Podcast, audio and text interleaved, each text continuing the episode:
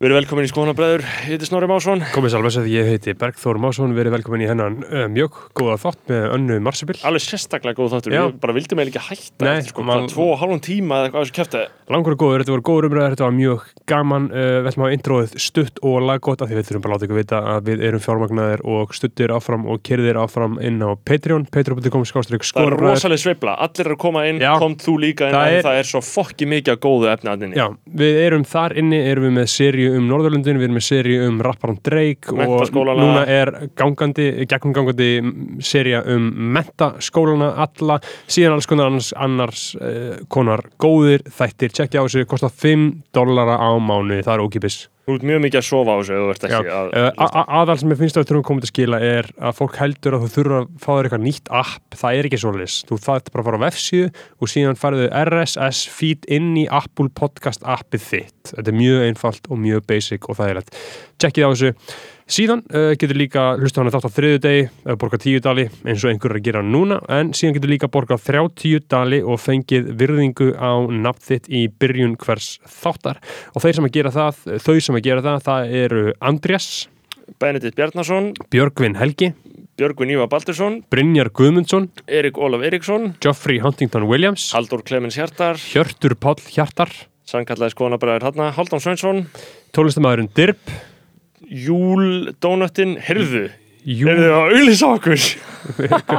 Júl Dónutin, hvað er það? Ég veit það ekki, Dúnöttin, Júl Dúnöttin Ef ég googlaði þá kemur ekkert, er þetta eitthvað fyrirtæki? Nei, Nei, ég held að þetta er bara eitthvað kæft Þetta er ok nýr, já, ok, Júl Dónutin vonandi, þetta ykkur hollendingur sem er að móðka, ykkur ísling hollendingur eða hvað sem er. Uh, Sturla Snorrason. Nafnlaus kona, Sveinn Arason. Tindur Kárasson X Nonni X, ég fíla þetta. X Nonni X, það er uh, gott. Úlfur Árnason Ari Helgason. Uh, og þar Já. með er það alltaf sumt. Við Einmitt, segðum að uh, nafnlaus kona uh, konur að stíga fram í ymsu tilliti þessa dagana stígi fram konur. Já, já, Við þetta fá komið í Patreon og verið hérna fáið verið einhver nafni upp að þáttar. Svo sannlega, síðan er að Jóhannes Haukur, hann borgar okkur sko einum dólar meira þannig við Heyrðu, nefnum hann alltaf sérstaklega í heyrðu, hverju þetta, ég hitt hann er hann- að vinna okkur þar sko. Ég hitt hann í, ég hitt hann í sundi þarna, ég hitt hann í sundi í, um helgina og var eitthvað að spjalla á hann og hann var eitthvað, já þeir eru orðin svo mikil kommunistar og ég er eitthvað, já, já bara eitthvað og ég kl- klíndiði bara þig og ég sagði bara hvað þú verður svo mikil kommunisti Uh, uh, og svo spjöldluðu bara vinalega og allir ferskir. Og svo sagði hann þarna svo hann, ég beði heilsa að tjekka í vara bróðir. Þannig að það er til þín. Já, uh, takk fyrir það Jóhannes. Hann er alltaf sigrar okkur með því að hann er ekki styrkikongur lengur en hann borgar á 31 Alltaf dal. Hann alltaf nefndur sérstaklega. Uh, Síðan er það uh, einn Stefán Daði. Nýr, nei, já, ok. Veist, Stefán, Stefán hann borgar Daði, 50, hann borgar kóngalegt, 50. takk kjærlega fyrir það. Mikil King, Kvenn og King, Stefán Daði Já. Mikil mestari Síðan er það, það er svolítið nýjar vendingar Já. og ný þróun. Tandri Snær Traustason er ekki lengur styrkjakongur skoðanabræður Tandri Snæð Trausta uh, fyrir digga hlustundu sem hafa hlustað á alla síðastliðurinn svona tíu þætti þá hefur Tandri verið styrkja kongurinn. Og hann hefur langt skeið verið að styrka okkur um 100 dali á mánuði. Já, einmitt. En nú er komin nýr, nýr sheriff in town það Já, er. Sindri Kampan Já, hann Sindri Kamban uh, hann hækkaði áskrift sína upp í 105 dali á mánu í íslenskum krónum er það sko uh, eitthvað í kringum 13.000 krónur Já. á mánuði. Og, og, og þú veist náttúrulega að við sko eigum að tilbyðja þessa menn af því að uh, einn Tandri Snær Traustason sem borgar 100 dali á mánu er eins og hann er sko er- 20 það, það, Nei, 50 nei, 20 50, 20, 20 sem 5 Já, 20 hann er svo 20 umíkjar Já, ok, já, villu 20 já, hann er 20 umíkjar já. já, og ég er alveg sammála því og það er alveg Ah, ok, mega, vá, ég held ég hafi sagt sko í intrónum sem ég tók upp sjálfur einn síðast að þetta hafi verið 50 þannig ég, ég fór með uh, vísindalega rángfærslu Já. þar. En uh, það, það er hérna, þú veist, það er ekki skömmið því, það er verulegum Mhm. umur og það sem ég vil líka beina til fólks, eða er að styrkja endilega hækki ykkur upp um, um stig, komið upp í tíu, að við þurfum að fá peninga fyrir þetta og í alvörunni, því meiri peninga sem við fáum, því betra verður þetta, því meiri tíma höfum við þetta, það er bara hann og, og, na, og bara geðu ykkur sveifla, segið vinnum hvað konum á Patreon, Já, notið og, og, og sorry að við, þetta var svona langt intro. Ég, það, það er hérna dreiklína sem að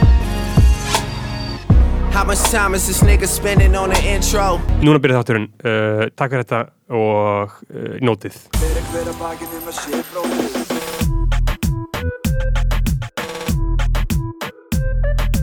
Fyrir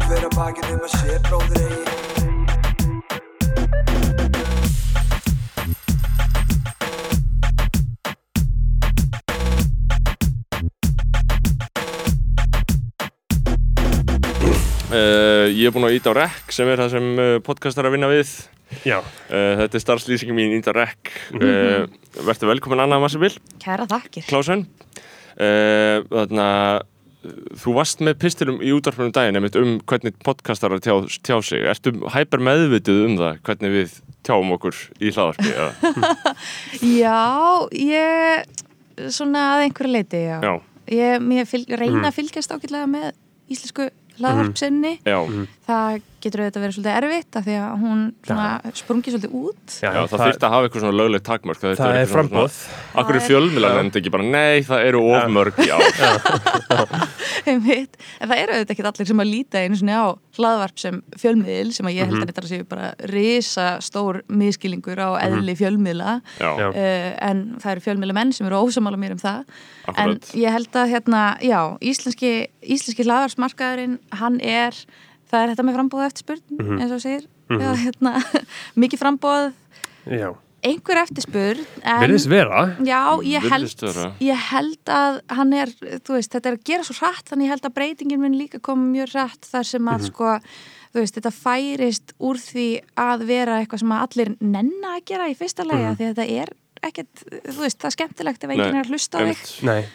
og yfir í eitthvað sem að verður meira pródúserað, verður meiri svona hefðbundin fjölmiðlun og að, þú veist, ég held að svona hlaðvörp, svona samræði hlaðvörp, þau mun alveg halda áfram en ég held að frambóðu muni minka sko. þetta Já, er bara ég- eins og blokkin, Já. þið vitið, Já. allir voru að blokka og svo bara róast það þegar það kemur í ljósa þetta er nú bara ákveðið mikið fyrirhöfn og eitthvað svo leiðis Já, og þetta laga sig, markaðin hlýtur að laga sig að frambóðinu, þú veist, nei, mm laga sig að eftirspurninni, þú veist, þannig að ég var að, tala, ég var að taka viðtal við þannig að kona sem er með, framkvæmstöru hopp hjólana, þannig að appsins, að raf skútunar já, og hún var með að segja, sko, þú veist, hopp ópererar þannig að þau bara laga sig fullkomlega að eftirspurn. Þau vita nákvæmlega hver eftirspurnin er. Þú veist, þau vita hvar símar eru opnaðir, þannig að þetta er svo easy business. Þau bara, ok, þá þurfum við bara fleiri hjólarna. Þau eru aldrei að taka neina áhættur, sko.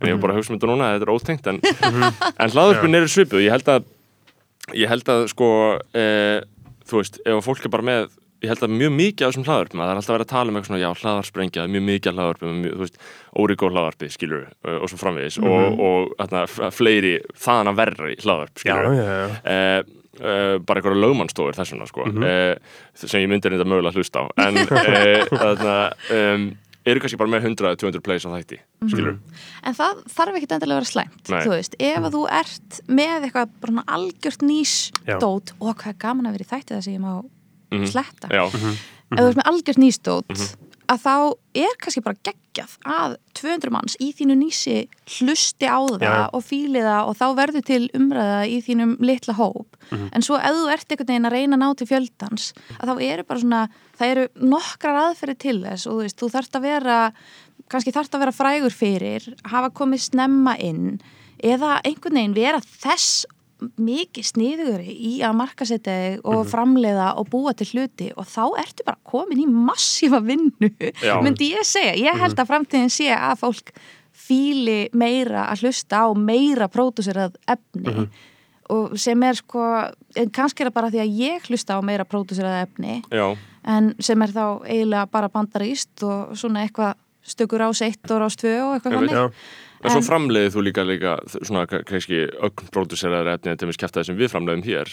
Sko, ég, ég myndi segja slatti pródúseraða Mhm. uh, og því meina það ekki á eitthvað svona eitthvað að það sé betra þar með. Nei, nei, af því að það, þú veist, það bara er annar vöðvi að vera í því sem að þið eru að gera. Mhm.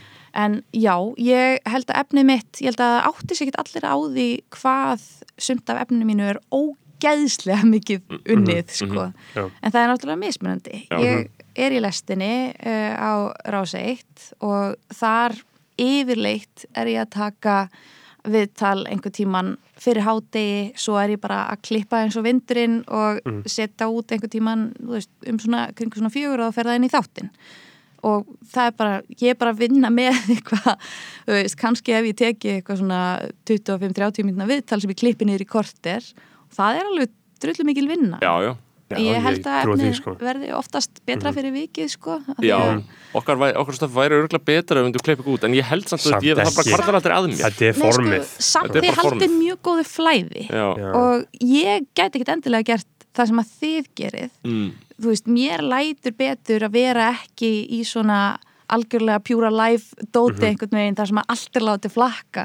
Þess vegna er mjög stressuð fyrir að sitja þetta. Mm, en ég væri stressaðri að taka viðtalannig en Já. kannski að sitja í viðtali. En, þetta er bara allt að- annað sko. Þetta er það, algjörlega. Um, En ég meina, ég, að þú varst líka að tala um það í pisli sem skrifar um daginn og fluttir uh, um Sölva Tryggvason og, og það mál allt saman og þetta, þetta sturlaða viðtal sem hann tók við sjálf og ég get ennþá opnað þetta sturlaða viðtal sem hann tók við sjálf og bara gaft og bara what the hell, hvað í fjandanum gerðist hérna sko.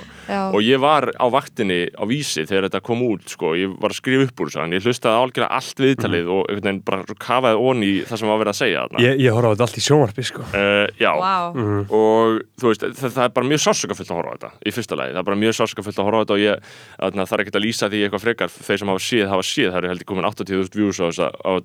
það eru heldur komin 80.000 views á, þessa, á þetta þegar við erum að tala saman núna. Uh, og þá varst að tala með mitt líka skilur það sem, það, það sem þessi mörk eru bara öll að verða mega óskýr, þú veist, það er bara það veit engin lengur og það er engin að pæli lengur einhvern veginn endilega þegar hann hlustar á eitthvað hlaðvarp bara eitthvað, hvað er, eh, hvernig er fjölmiðlamaðurinn að tala, því að sumir sem ég tala við eru ennþá með fast í sér svona eitthvað, mér finnst þetta ekki skemmtilegt að lesa það, ég lesa ekki kjarnar en þetta er allt svo, þetta gildislæðið og eh, eitthvað svona óhlutleist, ég les ekki þú veist, er svona, sumir eru með svona loftkendar skrítna pælingar ennþá um svona hlutleysi og ímynda sér að það sé til í raun og veru og eitthvað svona, svona.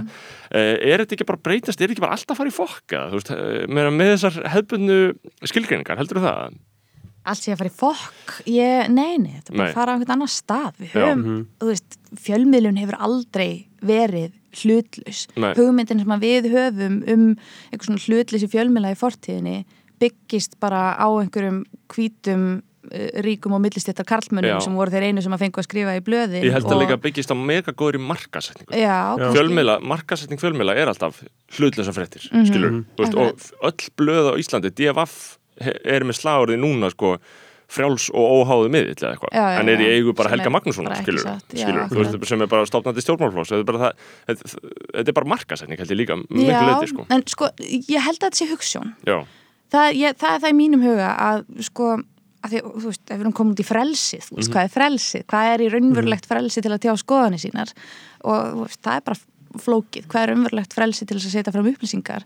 En í fjölmiðlun að þá einhvern veginn svona þetta æðsta markmið einhvern veginn hlýtur að vera að fyrir marga fjölmiðlumenn, ekki alla að setja fram upplýsingar sem að eru einhvern veginn svona sannar og eru ekki algjörlega háðarmanns eigin skoðun. Ég, mér finnst þetta svona í fréttum rosalega mikilvægt markmið að taka sjálfan sig úr myndinni og bara setja fram bara blákalda staðarindir en það getur verið erfitt. Og það getur verið erfitt af því að hvað er, hvað er staðarind og hvað er skoðun? Og það er bara, fólk heldur að þetta sé ekki ekki að auðvelt. Já, en það er það ekki. Nei, nei, alls ekki sko. Það er bara hægt að segja eitt hérna og síðan fullkomna anstæð við og bæði getur verið túlkað sem sannleikur Já, já, Sama hvað það er, eiginlega sko. Já, ég meina þú, það var síðast bara núna í gæðir sem Matti voru bara alveg Twitter út af, það gerist alltaf, það er alltaf með Ísrael-Palestínu af því það er svona málefni sem mikið af svona Dominus vinstrinu er svona smá með, þú veist á heilanum, eðlilega, það er mjög fucked up sitt í gangi í Palestínu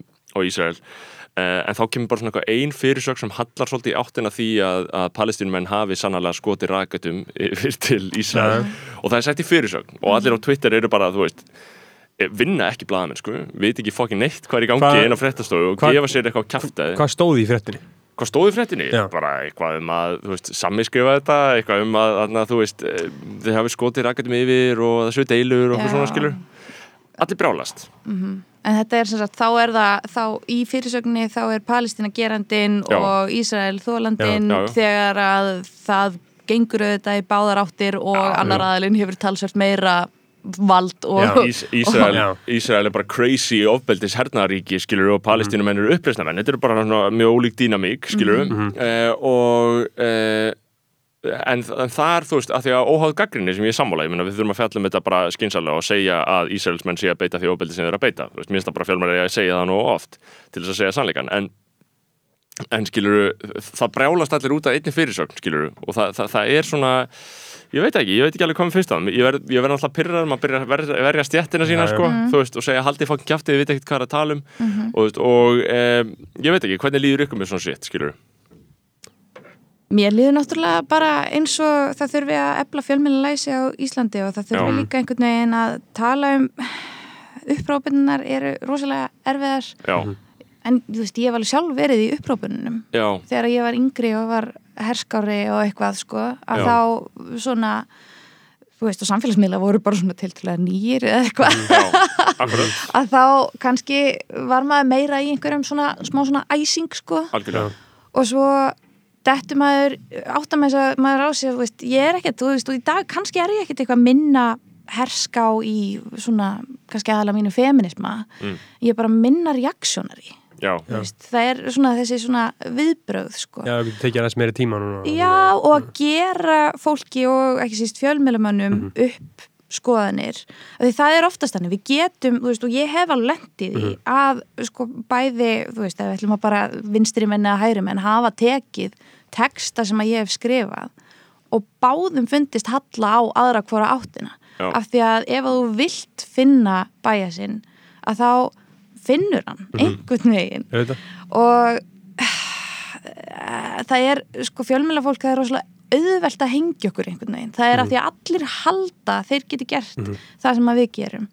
En sko það er bara ekki satt. Það Nei. er það bara ekki. Þetta er Já. rosalega Já. mikil vinna fyrir rosalega Já. lítil uh, verðlaun og ógislega flókin af því að það eru oftast tveir sannleikar og maður þarf að finna millivegin já, en já, ég held að það sé svona það sem að mér finnst Já. mér finnst eins og fólk sé svolítið svona gott í að slá sér til rittara með því að byrta ykkur skjáskot og svona ekki taka já, staðin fyrir að tala um, ok, hvað þýðir þessi fyrirsögn? Mhm. hún þýðir þetta, þetta, þetta og það er ekki satt út því að þetta, þetta hvað, þú veist, einhvern veginn. En svo auðvitað á sama tíma að þá getur maður alveg skilið þegar fólk Já, er bara já. bullandi reitt Já, yfir 100%, einhverjum fyrirsögnum sem eru skakkar og við eigum bara að taka því til okkar og við erum alltaf á tánum sko. já, En ég held að sé sko uh, þrænt í þessu svo tala um að þú veist það þurfa að ebla fjölmiðla læsi uh, hjá Íslendingu bara almennt að því að núna bara svona upp á síkasti svona þróun sem ég hef tekið eftir í fyrsta lagi þá er náttúrulega ríkistjóðin í stríði gegn fjölmiðlun, skilur, þau eru að eða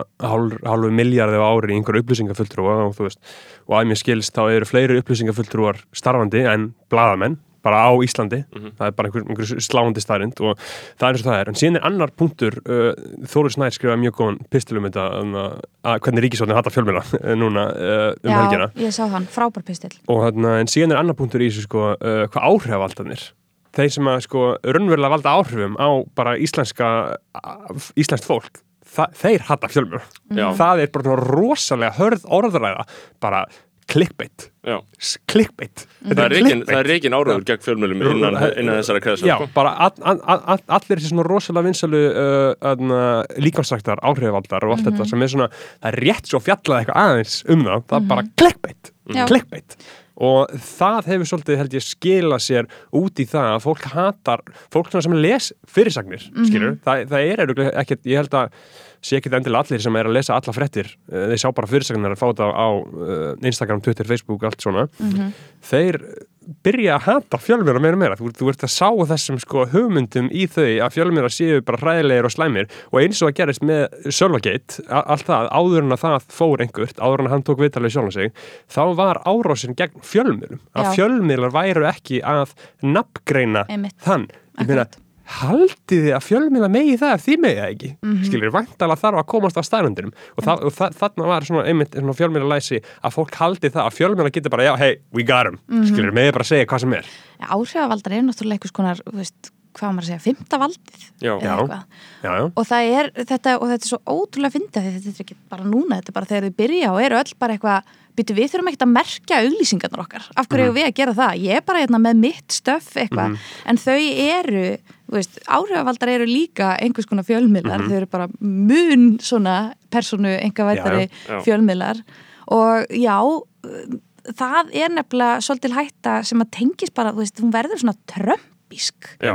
Já, já, já. þar sem að bara orðaræðan hendar Mhm. þeim ekki, þau get ekki séð út fyrir sitt mengi kannski Mhm. það sem að þau eru að gera sem er eitthvað óbýtu hefði ég kannski ekki eftir að gera þetta svona Mhm. ef orðaræðan er að koma gegn mér er það af því að fjölmiðlar er að ráðast á mig Mhm. eða af því að þau eru að benda á eitthvað sem að svona, hefði betur farið aðra Mhm. leið og sko fólk tekur grimman þátt í þessu Já. og Já. mér veist ógislega svona fyndið að rifja upp dæmi þegar ég var að vinna upp á Mokka þá var smartlandið náttúrulega alveg eins umdelt og, og Mhm. það er í dag og jafnvel umdelt dara. Þetta var svona á þessum tíma þar sem hún fór til dæmis hérna, og dulbjóð sig Oh, sem shit. útigangskonu og eitthvað svo leið sko. Uh, en eitt sem hún gerði á þessum tíma sem að var virkilega áhugavert var að hún hérna gerði frétt um unga konu áhrifavald á Instagram sem var þá bara mjög nýtt. Um, sem að átti líka uh, einhvers konar, allavega var hún andlit fyrir og alltaf sögð vera eigandi en var nú kannski ekkit rosalega mikill eigandi einhver svona salatsbar eða heilsu eitthvað svona veitikastæðar sko. Og þessi stelpa bara mikið skvís ung, þú veist, örugglega 22, 23 eða eitthvað sko. Og Marta sem sagt fréttir að því að hún sé photoshopa myndina sín svolítið grimt myndina sem hún setur inn á Instagram Já. bara minka á sér lærin og magan og rassinn eins og bara margar stelpur kannski gera og gerðu nema það að þessi stelpa er auðvitað að setja sig fram sem líkams fyrirmynd Mhm. þannig að Marta gerir, gerir frétt Já. sem er alveg svona óvenju, óvenju hart af mörtu Mhm. eflust eitthvað þessari frétt sem er hægt að pota í og eitthvað svona Mhm. þetta er ekki nógu vel, þetta er ekki eitthvað sko. Orðræðan, Já. já. þetta er það algjörlega og þetta er bara mikilvæga fréttir Já, einmitt. það skiptir máli að við séum ekki að horfa á Mhm. einhverja heilsu fyrirmyndir sem að síðan eru Já. bara að strýpa á sér líkamann í einhverju Já, fótusjöpi Einmitt. en hvað kemur í ljós ekki að fólk er eitthvað að vá, margt er að benda hérna á áhugaverðan hlut sem er bara verðt að ræða þú veist, hvaða þýðingu hefur þetta í okkar samfélagi og, og þú veist, í eitthvað svona tengslu við þessa konu. Það sem gerist er að fólk verður brjálað út í mörtumaríu fyrir að ráðast á, á þessa ungu konu. Og það væri svo mikið valda ójafvægi á milli mörtumaríu því að mörtumaríu er, þú veist, Já. eldri fjölmjöla hún getur eitthvað eldri en þið vitið Mhm. fullorðin. Og þá allt í hennu sko er þessi 22-30 ára stelpa sem er eigandi innan kannski einhverja gæsalappa en menna, maður veit ekki betur að einhverjum Mm, heilsu veitingastæð þá er hún, hún var svo mikið stelpa hún svo ekki í bann og hún bara, þú veist. Og það má, það er eitthvað svona sem maður verður líka til þegar fólk er ung Já, að það, þú veist, við erum rosalega fljótað svona þegar þau gera mistök að þá eitthvað, eitthvað svona ægin en þau eru svo ung og hún er svo eitthvað og vondu fjölmiðlarnir Já. þú veist, og það sést ógíslega mikið á áhrifavöldunum sem er bara, þú veist, þau meiga bara fokka upp og það er ekki þeim að kenna og þetta er óþólandi þegar fullorna konur, þó þessi ungar eru bargerða svona já. ég sko, ég verð, þú veist, það er ekki feminismi Nei. Já, akkurat, ég veit ekki, ég, ég, Já. ég, ég, ég spyr alltaf þetta er alltaf spurningin einmitt líka til mér sem með eitthvað svona frétt eins og mörtu sem er mjög líklegt til þess að gera marga brjálaða. Það er, Þegar hún er augljóslega bara að gera það sem að fjölmennir er að gera, benda á, heyrðu bara, hei, íslenska þjóð, bara láta ykkur vita að það er verið að ljúga ykkur. já, Það er hérna verið að ljúga ykkur Já. og ég er að segja þetta sé lígi. Það, það er bara svona að gera og, og, og líka í kritikinu á hennagrein er alltaf bara, hvað er lígin í greinni, veist, er þetta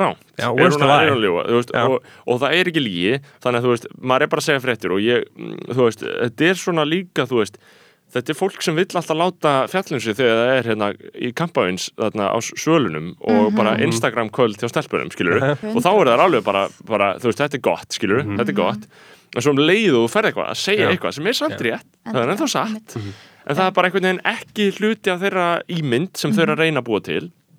Þá er það bara þarna smelli beita, Já, og ég bara, ég tryggarast og- bara í og- þetta dreifir svo mikið út frá sér. Ég lendi í því bara einhvern veginn við byrjuðum eitthvað að tala um Toppu Marnos hjá með vinnum mínum. Uh, byrjuðum að tala um Toppu Marnos og ég bara, já, Toppu Marnos býr í æskuheimilun okkar og ég var að tala um það. Uh, að það var svona innlut og útlitt hjá Toppu Marnos á Hringbröð 98 sem er æskuheimil okkar og ég var eitthvað að tala um það. Og þá segir eitt vinn minn sem er svona vinnur margra áhrif alltaf skilur, hann segir sem Toppu Marnos maður, fuck her, ég bara, það, það, við, við, þau hana Já. ógislega leðilega við þau, ég er bara svona Já, ok, hvað, hún skýrði eitthvað frétt? Já, maður, clickbait. Skilur, Ég er bara svona, ok, menna, þú veist Svona virkar þetta, skilur Allt í einu er hún orðin eitthvað villein fyrir að skrifa clickbait Já, já. um þetta Ég fólk meina, það þýðir auðvitað ekki að það sé ekki, þú veist, Marta hefur oft farið út af spórinu, Toppa hefur oft farið út af spórinu, Já. en það er eitthvað svona, við verðum að kannski svona ræða það á einhvern annan hátt Já. en með einhverjum svona upprópunum og bara ég hata hana og eitthvað, Já. því að, þú veist, últamilli eru þær bara að fýta samfélagið og því sem að samfélagið vill. Já. Þær eru ekki í blaðamennskunni sem að þú veist, sem að snýst um eitthvað svona hlutlusar staðrindir og einhverja svona þannig vinnu. Þær eru bara, þú veist, þetta er einhver svona gul, bleik pressa og hún getur líka bara verið skemmtileg. Já, ég Það- dýrka þetta sko ég, mér finnst bara, þú veist, að því ég hef líka heldur aldrei skammast mér bara fyrir að ég bara fíla svona fréttir. Þetta er bara, þetta er bara það sem fólki vill, það er alveg eðlilegt að, að fjölmennar gera þetta sko. Ég held að það sem fjölmennar þyrftu væri bara sko markasherferð miðið á áhrifavaldana. Eða miðið á bara þessi fórnalömb áhrifavaldana sem eru fylgjandi þeirra. Eh, bara, þú veist, að vinda ofan af áhrifurinn sem er rekin gegn frjálsum fjölmennum, bara fó, svona blöð, blaðamæður ná alltaf að vera lúsar veist, sem hefur enga að tapa það, þú veist, það, það, er þá, það er bara þá sem hann getur verið góður, skilur, um leiðan er komin upp þá er hann orðin að einhverju stopnun, held ég. Þú veist, þá, og þá er hann orðin svona Piers Morgan þarna, dæmi, skilur þú veist. En, og hann hann er alltaf bestið þegar hann er lúsar sem hefur enga að tapa og vill bara hræra í grautnum, skilur. Og En, en þú veist, þá ráðast Já, þau já. svo vel á hann sko, þú veist, þá taka þau hann í sundur sko. Einmitt, einmitt Já, maður á náttúrulega ekki að eiga neina vini sem blamaður Nei, þú átt að vera lúsar sko. Já, Það er og, bara- og, og, og ég elska ekkert meira en að lesa eitthvað bara svona, wow, shit, maður, hvernig þorði þessu Já. Það er hvernig, bara, hvernig, hvernig meika eru að segja þetta eða að spurja þessu Já. Mér finnst það alltaf að magna En sko. það er síðan, þú veist, að því við verðum að tala um áhrifavalda að það er auðvitað fólkið sem að hatar að, þú veist, allir hata að vera gaggríndir, Auðvitað. en áhrifavaldar þú veist, þeim tekst bara að koma þeim upplýsingum frá sér að, að þeir Mhm. hati þessa gaggríni og einhvern veginn beita í gegn þeim sem er, en sko eins og menningaríni á Íslandi Mhm. er á hókislega vondum stað og hefur verið örgla bara alltaf Já. af því að allir þekkjast Mhm. innan þessa menningar heims og svo bara verður fólk bara brjálað eða fær gaggrinni og Já. það skiptir ekkert máli þó að hún, þú veist, það sé reynd að setja hana fram á einhvern uppbyggilegan máta og fólk er alveg ógeðslega hörundsárt og sko það getur verið alveg frá bara einhverjum á okkar svona frægustu leikurum og popstjörnum sem að, þú veist, sem að eru bara búin að establisa sig og eiga alveg að geta tekið því þó maður segi eitthvað svona, já þetta var ekki Einmitt. þetta var ekki það frábært það bara, þú settir ekki mjög ekki metnað í þetta. Já, niður í síðan auðvitað bara bara unga rappara og veist, söngkonur og ungt fólk sem er að stíga einhver svona skref þar sem að maður segir eitthvað, já ok þetta, þú veist, þau eru auðvitað að byrja en það, þú veist, þau eru ekkert að pæla þetta rosalega vel og hér er eitthvað meira og eitthvað. Og það, það er ógeðslega erfitt að vinna innan menningar armsins og vilja setja fram einhverja svona gaggríni en vita þá bara, þá bara er bara allt þess líklegt að þessi manneskja mæti ekki til mín í viðtal eða springi einhvern veginn á mig, veist, það er fólk upp á rúf sem að hefur fengið bara símtöl eftir einhverja leikhúsgaggríni skilur og það er ekkit endilega þau sem að eru að gaggrína heldur bara því að veist, þau eru með þáttinn sem er verið að gaggrína Já. og eh, sem sagt, það sem að gaggrindin kemur fram. Já. það sem er bara, það sem að fólk verður bara ógeðslega brjála, það er alveg skiljanlegt þegar fólk er einhvern veginn með hjartað í hlutum en það verður einhvern veginn að finna þessa leið til að þessi hægt að Já. ræða hlutina, þessi hægt að þú veist og þetta gildir um allt, þetta gildir líka um stjórnmálamenn þetta gildir bara um allt fólk sem starfar á einhvers konar ofnböru vettvangi.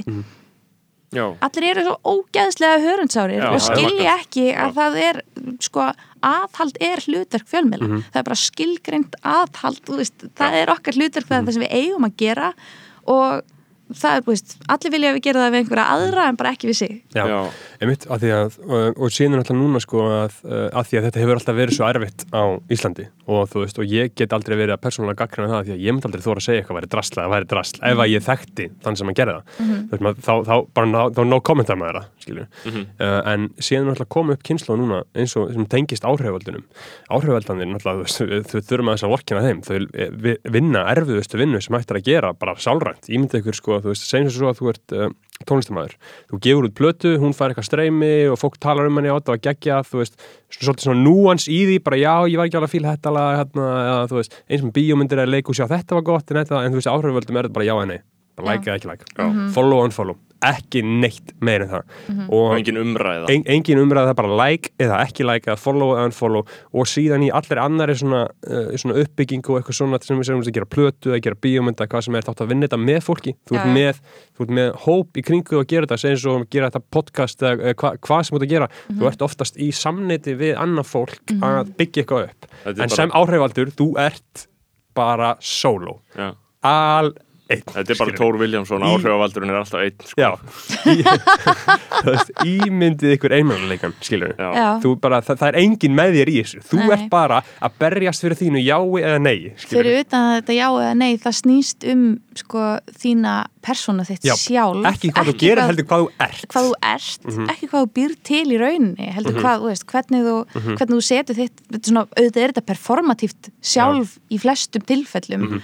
Eða mörgum tilfellum en uh, já, þetta er bara hér er bara, fær einhver að setja smá sleggjudóm á hver þú ert. Og, og, og það sem að sitja svo sérstaklega í mér að gera kannski fyrir svona nokkru mánuðum eitthvað svolítið, þegar Edda Falag var eitthvað í stóri fór í svona smá bíf við aðra áhrif alltaf, mun eftir þetta, fyrir svona hálfa árið eða eitthvað. Um hvað var það? uh, eitthvað við sína frá einhverjum Gucci töskum og einhverjum einhverjum, uh, einhverjum dóti sko. Og þá, þá var hún eitthvað að tjá sig um eitthvað þá fekk hún story sem að hún, neða fekk hún reply sem að hún postaði var að einhver var að segja bara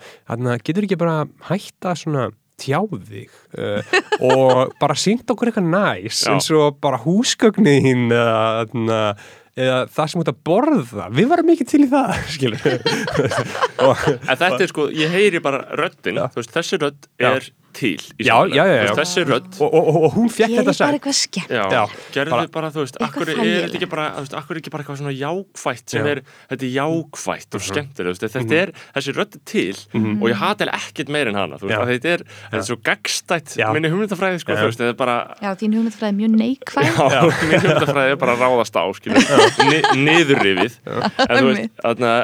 og þetta er svona, þetta er svona þessi kyrstöðu borgarastjættar eh, glanspæling sem Já, er bara, bara- alltaf að vera slétt og fellt bara fullkomlega sko og þegar, áhrif, þegar einhver, hvort sem er áhrifvaldur Já. er fjölmiðl, fer eitthvað svona að svona íta í hliðarnar á heimsmyndinni þú veist, Já. þá bara svona og þetta fólk, þá bara unfollow það, þú veist, þá er það bara ég ætla að halda áfram Mhm. Já. í bara Solonu Diego, bara etik á glas. Já, Mm. eh, ú- út, út af því að veist þetta er sér íslenska gamla góða bælingin skilur, sem við höfum lifað við hérna í þúsundur ára, skilur, að bara allt er æðislegt, skilur þetta er allt frábært og við, við ræðum ekki svona.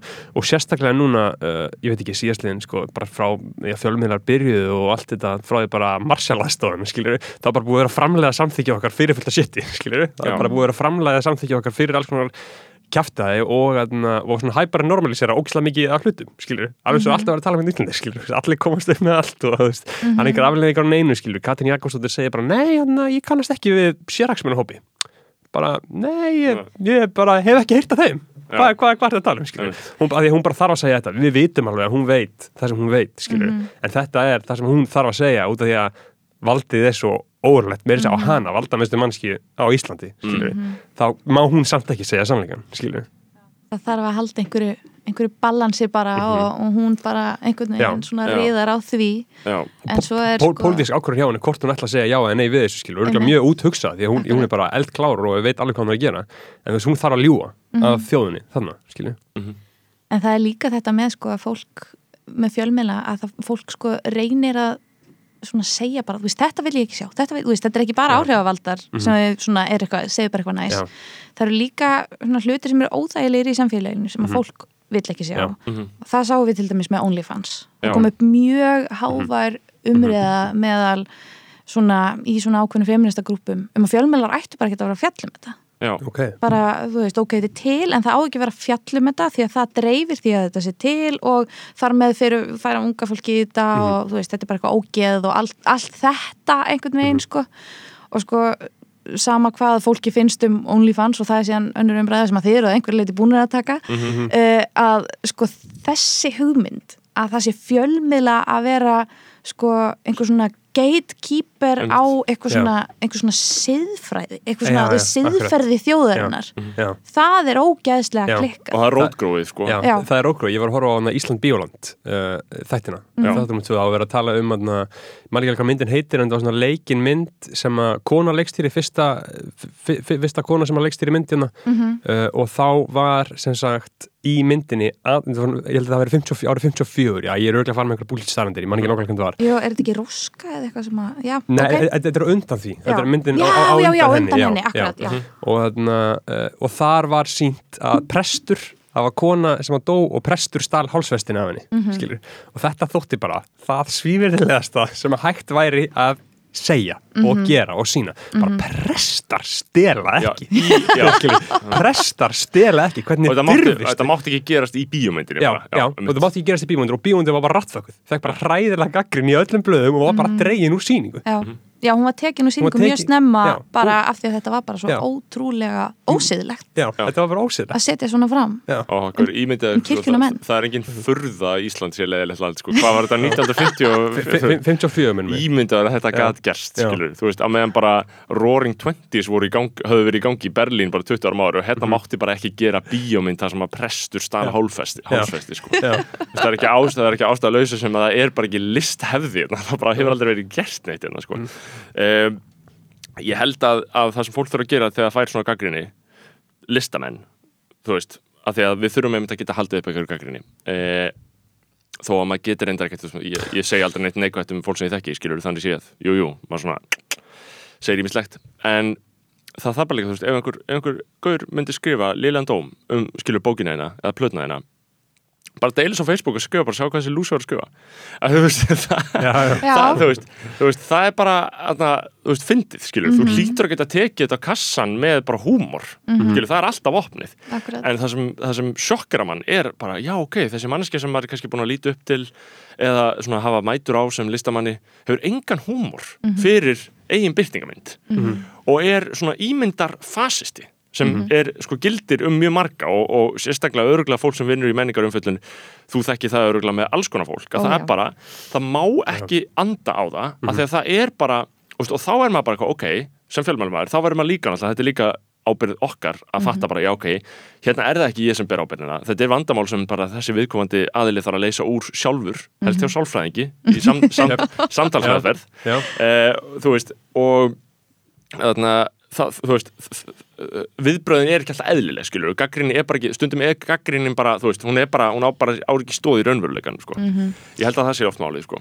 Já, sko, ég ég held að bestu leið, sko, besta leiðin til þess að bregðast við gaggrinni er einmitt, það er hægt að taka húmorinn eitthvað, ég, náttúrulega sem fjölmjölumæður, að þá verður maður fyrir endalausri Já. linnulausri Jep. gaggrinni, sko Yep. og svona ég hef bara gert fullt af stóru mistökum á mínum ferli Mhm. sem að hafa kemd með það að það er bara best að horfa á þau og sjá og, og læra af þeim sko og akkurat, þú veist og enginn af þeim, ég held að það sé oft þessi ótti við að þú veist, það er komin einhver ein slæm gaggrinni, það er einhver einn sem að segir þú ert umurlegur eða það sem að þú gerðir var eitthvað hræðilegt eða eitthvað sko og þetta, þetta náttúrulega snýr ekki bara að svona lista gaggrinni heldur líka einhverju það sem að uh, þú veist, það sem að vera að tala um einhverja svona, ó, býtu, var þetta kannski rasíst eða homofóbist eða eitthvað sko Já. að maður bara svona, ok var þetta það? Já. Skoðar það hjá sjálfum sér ákveða hvort maður sé sammálaði hefði ég geta mixa þetta eitthvað betur, hefði ég geta sagt þetta eitthvað öðruvísi? Hefði ég, þú veist, og, og svo bara heldur maður áfram Já, já. og gerir næsta lag, býr til næstu frétt þú veist, bara Já, 100% heldur áfram að ræða fordóma fullt um Já. svart fólk veist, bara, eða ekki.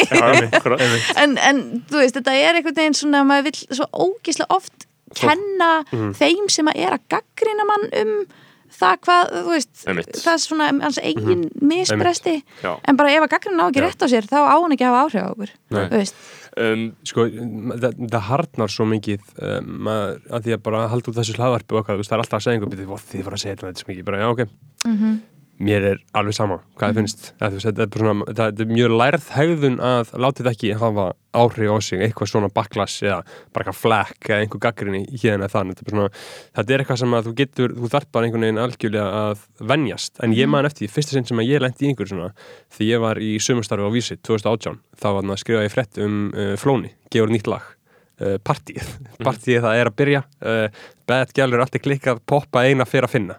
Og það sem hann talar um að poppa billu og þannig að lendi í bara bara, þú veist, bara kommentakerfið bara hrannaðist inn, bara og sko, sýstir, þetta var þegar hashtag ég og bara eitt líf var í gangi þannig að það, kampæn uh, gjörsamlega bara trilltist Mhm. og þú veist, þarna var ég bara búin að vera að vinna í, þú veist, tvær, þrjá vikur eða eitthvað, skilur já. og ég man bara, ég var bara, ég var bara í þungdiskasti í fjóra dag út af þessu. Æi. þetta var bara það hræðilegast sem ég hefði nokt með lent í Já. út af því að, sko, mér minni sko að sýstir strák sem hafi dáið Mhm. skilur, fór að kommenta á fréttina Mhm. bara ro rosalega miskilningur um að setja þá ábyrð á flóna er ekki að rappa um sinn raunveruleika til að vernda þau skilur, Já, bara já. mest að kjafta sem ég heirt eitt um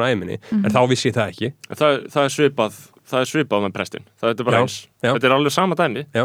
það er bara þú veist, e- þetta er líka smá bara hei, þetta trigger mig smá bara, ég ætla bara að semja bara eitthvað sem í svona quasi yfirborðslega á yfirborðinu málefnalega gaggrinni á þetta og þá getur þú ráðist á fólk mjög vel ef þú gerir það sko veist, já. maður gæti, ég get alveg tekið mig til bara fuck around og farið á Facebook og bara hjólað í einhvern og bara rústað deginum hans, skilur þú veist en bara sumt fólk hefur þetta í sig, skilur og, og posta veggin hjá ykkur Já, eða bara kommenta, senda einhvern bara vandaðan tölvupóstum bara hvað sem er að gera er hræðilegt fyrir samfélagi, skilur já, Við fáum náttúrulega marga svo leiðist Já, já, maður færa mjög oft oft Já, sko. á rás eitt sérstaklega Þetta er Já. hræðilegt þar. Það er þegar í að vera atna, hliðverðið siðgæðis á Íslandi samkvæmt uh, mjög mörgum. Já, vissulega. Já, En við reyndar á lestinni sko, við fáum merkilega lítið af tölupóstum sko. Mhm. Ég einhvern veginn var algjörlega búin að brynja mig fyrir því að fólk væri að já, Mhm. hafa mjög sterkar skoðanir en uh, ég held að út vegna tónlistarinnar sem við spilum í þættinum að þá séu kannski svona þessir svona allra hörðustu síðgæðisverðinir uh, sem eru kannski á ákveðnum aldrei oft ekkert að hlusta. Einmitt, það er svona, þú veist, þú kannski hlusta á Já. rás eitt allt í gegnum daginn slökka svo þegar að lestin kemur af því að er svona, þetta er einhver svona ný tónlist það Já, er ekki gaman, eitthvað, eitthvað rapp og eitthvað Já, og, já. og það er ekki skemmtilegt og, og þá, uh, þá kannski sleppum við við að mm. verða fyrir miklu áreiti frá fólki sem að finnst við ekki eiga að vera að tala um einhverja hluti, Já, sko. einmitt. En Fólk er líka misgott í að fokki tilfinningunum sko. Fólk er, þú veist, ef, ef, einmitt, bróðin lést eða eitthvað, þú veist, og notar það gegn blagamanni já, Það er mjög atna, vönduð árás já, var bara það er mjög Já. tilfinninga atna, kúun Mhm. Og á ekki við að mínum mati, það á ekki við að segja þetta við saklusan blagamann Mhm. eh, sömulegis oft lendi mjög mikið á mokkanum að þá er höfðað til stoltsmanns sem blagamanns á morgunblæðinu, það er sagt sko já, ég býst alveg við þessu kannski af, af DFF en á morgunblæðinu Morgunblæðinu á morgunblæðinu Mhm. og þá er maður bara eitthvað, og, og þetta hitta mann sko. Og þá er maður bara, oh fuck, ég, ég á að vera fulltrú fyrir eitthvað sem ég veit ekki eins og hvað, ég- hvað er sko. Já. það, þetta er mjög mikið gert sko. Já. Já, ég er náttúrulega sko, maður er ekki maður er ekki alveg blamaður fyrir að það er einhver búin að senda manni tölvupóstum að verða að reka mann sko. já, Já. það er eiginlega þannig. já, ég hef búin að fá það á nokkra í gegnum tíðina en uh, Já. já. það var allt á mokkanum. Já, það var allt ímist þegar ég var með monitor Mhm. eða, já, eða þegar ég var á, hérna, á mbl.is Mhm. en þegar ég var á mbl.is þá er líka að skrifa sko, skoðanapisla Mhm. í blaðið annari hverju viku sem var sko mjög skemmtilegt fyrst og svo bara áttum að því bara, ah, það er svolítið erfitt að vera með skoðanir Já. aðra hverja viku Já. og ég fekk líka leiða því hvað ég var hvað ég var ógeðslega neikvæð alltaf alltaf Mhm. aðra hverja neik, viku var ég bara eitthvað allt er ömurlegt já, Já. en Já. það var rosalega áhugavert að því að sko eh, mínir skoðanapislar fylgdu kannski sjaldnast einhverju svona rítstjórnar stefnu sko eða, eða, já, eða kannski frekar stefnu rítstjóra í Já. lífinu einmitt og ég fekk alveg nokkru sinnum sko, allavega einu sinni þá var ég, þá var hérna Davíð Oddsson sésjaður já, á tölupósti Vá. um það að eh, sem sagt, það bara ætti að reka mig fyrir að tala svona, þú veist, rosalega gegn honum. Já, sem ég, veist, ég myndist ekki á hann ég man ekki hvort að þessi pistil hafa nokkurn hátt talað gegn honum en það talaði gegn einhverjum svona grunngildum þessa manns sem að fannst hann deila þeim grunn gildu með Davíð Ottsinni og svo bara vill svo heppilega til að allavega á þessum tíma þá, uh, þá virtist Davíð ekki kunna á tölvupústi sín sko. allavega mætti hann alltaf fram með hérna útprentuð sko, ef hann vildi fá eitthvað á vefin á þessum tíma uh, að þá, þá var yfirleitt sko einhver að greina kannski um krabbamein eitthvað svoleiðis, það hefði svona verið svolítið, uh, hann hafði sjálfur fengið krabbamein og þetta var greinilega eitthvað svona sem að stóðum næri að þá yfirleitt ítt hann þá, þú veist, þetta var kannski einhver staðar á Guardian eða einhverju og þá ítt hann á printtakkan Mhm. á bara vefsíðunni prentaði út og lappaði út á skrifstofunni sinni og rétti fréttastóra stjóra sem þá rétti manni Já. þá grein útprenta að það var allavega svona Það það sem að ég sá á þeim tíma já, já, uh, af uh, sem sagt, svona afskiptum mm rítstjóra af vefnum já, sko. já, já, já. Já. Ég var alltaf þarna fyrir skemmstu sko, ég er ekki ennþá byrjar að tjá mig en, en þarna, Nei, þetta hefur náttúrulega breyst mikið og Já. þetta var að breytast mjög mikið þegar að, uh, og það, ger, það gerist þegar Davíð fyrir fórstaframbóð já, þá er eins og uh, rítstjórnir svona uppgöti svolítið vefin, uppgöti svolítið kraftin í vefnum og hvað hann getur gert já, og vilja bara nýta hann Mhm. eða þú veist, ég, þú veist, það er mín Já, upplifun af uh, þessum tíma sem að var alveg gjörsamlega af hjörunum sko, hann var Mhm, alveg já. ótrúlegur og ég bara var að fara nám út til Berkeley á þessum tíma þannig að ég var svona svo sem sama um það sem var í gangi. Ég var bara eitthvað, ég, þú veist, ég bara er að fara Já. en ég fór bara út með bara eitthvað svona tráma, ég maður bara ristist eftir Já. þetta af því að hérna, þú veist af því að bara hvenar fer, hvernig í anskotanum getur það talist síðferðislegt að rítstjóri fjölmiðl fari í forstaframbóð og hætti þá ekki sem rítstjóri fjölmiðlsins heldur svona taki frí innan gæsalappa. En það var þetta, ég var sett í þá stöðu að ég þurfti að taka viðtal við yfirmann minn um af hverju hann mm, gæti ætti að verða fórseti já, og það, þú veist, það var reynda var það bara fítni rítgerð út í, út í náminu mínu í blaðamennsku sem Já. bara, bara yfirskriftina þetta var í hérna í ethics Já. kursi Já. og bara yfirskriftina when my, when my editor ran for president. Já, það er heldur gott. Já. Það var alveg easy A plus sko. alveg efni. Bó, bókstaflegt forseta frambóð Já, algjörlega rugglað já, En, en mér þetta náttúrulega mjög áhverð sko, myrkar höfðingin sjálfur, Davíð Oddsson þannig að hann er sko í, svona, í dag, hann er svo irrelevant, skilur krakkar, hann, hann er svo rosalega risa stór fígúra fyrir allra sem eru kannski svona eldri, svona aðeins eldri en hvernig þú fætt hana? Ég er 89 89 Ég Jafnvel- elst mjög mikið upp með Davíð Já, Oddsson þú elst upp með hann. Já, ég man rosalega vel eftir því Já, sko. þú það er bara eitthvað svona- Vigdís og Davíð Oddsson Ég held að þú sér kannski svona síðasta kynnslóðin sem hann er eitthvað fyrir Kannski, sko, já. af Því að ég meina eins og fyrir mig, ég, hann var aldrei aktífur þegar ég var krakki sem ég, eða þú veist Nei, bara, bara, ja. bara þegar ég var bann, en þegar ég var úlingur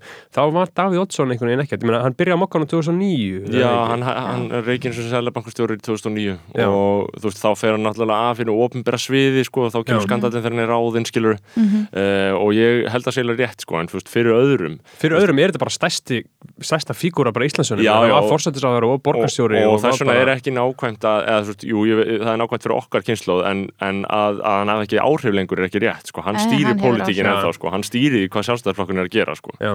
Eh, Ég veit það ekki, það hefur alveg orðið ákveðið svona rift milli sjálfstæðisflokksins hann, og hann, og hann og Bjarni er ekki vinir hann og Já, en ég meina, ég er að segja bara, það sem da, Davíð ákveður að setja á dagskrá Mhm. er sett á dagskrá, þú veist, það, það er bara þannig, valdið er slíkt og ég er alveg viss um það, og ég stend alveg við þá fulleringu, sko, og það, það skiptir veruleg máli, sko. En sko ég held samt að hann hafi, hann misti stóran hóp af fólki með því að fara í þetta fórstaframbúð Já, já, af því að líka sko hann var sem að, það kannski er ýmsar ástæði fyrir því, kannski bara var hann ekki nógu einhvern veginn svona relevant lengur eða einhvern veginn svona í taktu tíman að einhverju leiti, Já.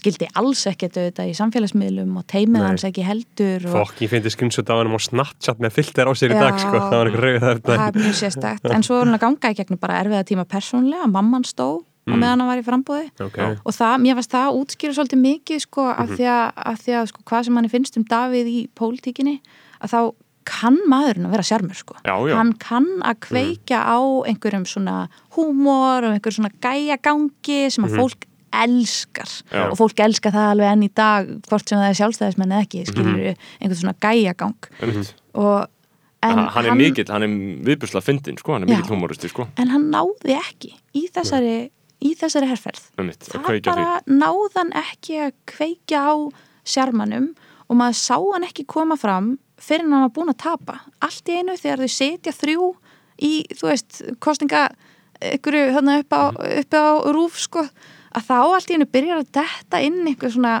smá galsi í kallinn sko ég held að ef að hann hefði ef hann hefði tekist að kveikja þessum galsa strax í byrjun Já. kannski sætu við bara hér með hann að fórseta sko. Já. kannski en, uh, en já, ég held að þarna hafa hann, þarna einhvern veginn svona koman svona smá upp um sig sem svona býtu, hann er samt bara gamall kall klístraður og krumpaður já, og með einhverja svona þú veist, skilur ekki alveg Mhm. hvað er í gangi heiminum, eitthvað og svo bara þar með einhvern veginn svona fer hans kannski svona vald það Já. fer að draga úr því sko. Mhm. og ég held að, ég held að sjálfstæðisflokknum, yngri deildinni í sjálfstæðisflokknum þykja ekkert endilega frábært að vera tengt við það sem hann stendur fyrir þegar Nei. hann er að tala í Reykjavíkubrefi sko, fyrir Trump og, og þar mm -hmm. framtíkutunum Já. það er ekkert vinsælt sko. Nei, ég held líka, já ég held að þau, uh, emitt já, þetta er svolítið sérstætt með, með, með áræðina og, og hvernig sjálfstæðisflokkurinn er uh, um, alltaf bara í ímyndakrísu af því að sko fyrir 20 árum það var bara basic að bara Davíð var bara kongurinn og það var alveg óumdelt sko en svo bara riðilast þetta, skilur muni eftir læginu. Hvað, með Dabba. Kong, hann er Dabbi kongur, Já. ég meðan eftir þessu, þetta er bara lag sem að hlusta á. hann Já, Já, þetta hann, hann var náttúrulega eins og einræðisherra á Íslandi skilur, eins og Mhm. maður hefur lesið um í þessum bókum skilur, hann var, hann var svolítið fann að hafa sér þannig skilst mér, ég var Mhm. náttúrulega ekki eh, með meðvitund á þessum tíma sko. Nei, þetta er fyndið að því að þetta er ádeilulag sko, þetta Já. er bara eitthvað úr skaupinu eða voru, veist, hvað heita, er hérna uh, sem að voru alltaf með einhverja þætti, þú veist, Örn Arnsson og Spaukstofan, takk Já. og hérna uh, veist, þetta er eitthvað þannig þetta er náttúrulega, þetta er þannig grín Já. en þegar maður er krakki og maður sér þetta Já. þá er maður bara, þetta er kongur Já, bara. 100% og þetta er líka náttúrulega cover af bara frægu P. Diddy lagi, Bad Já. Boy for Life og Akkurat.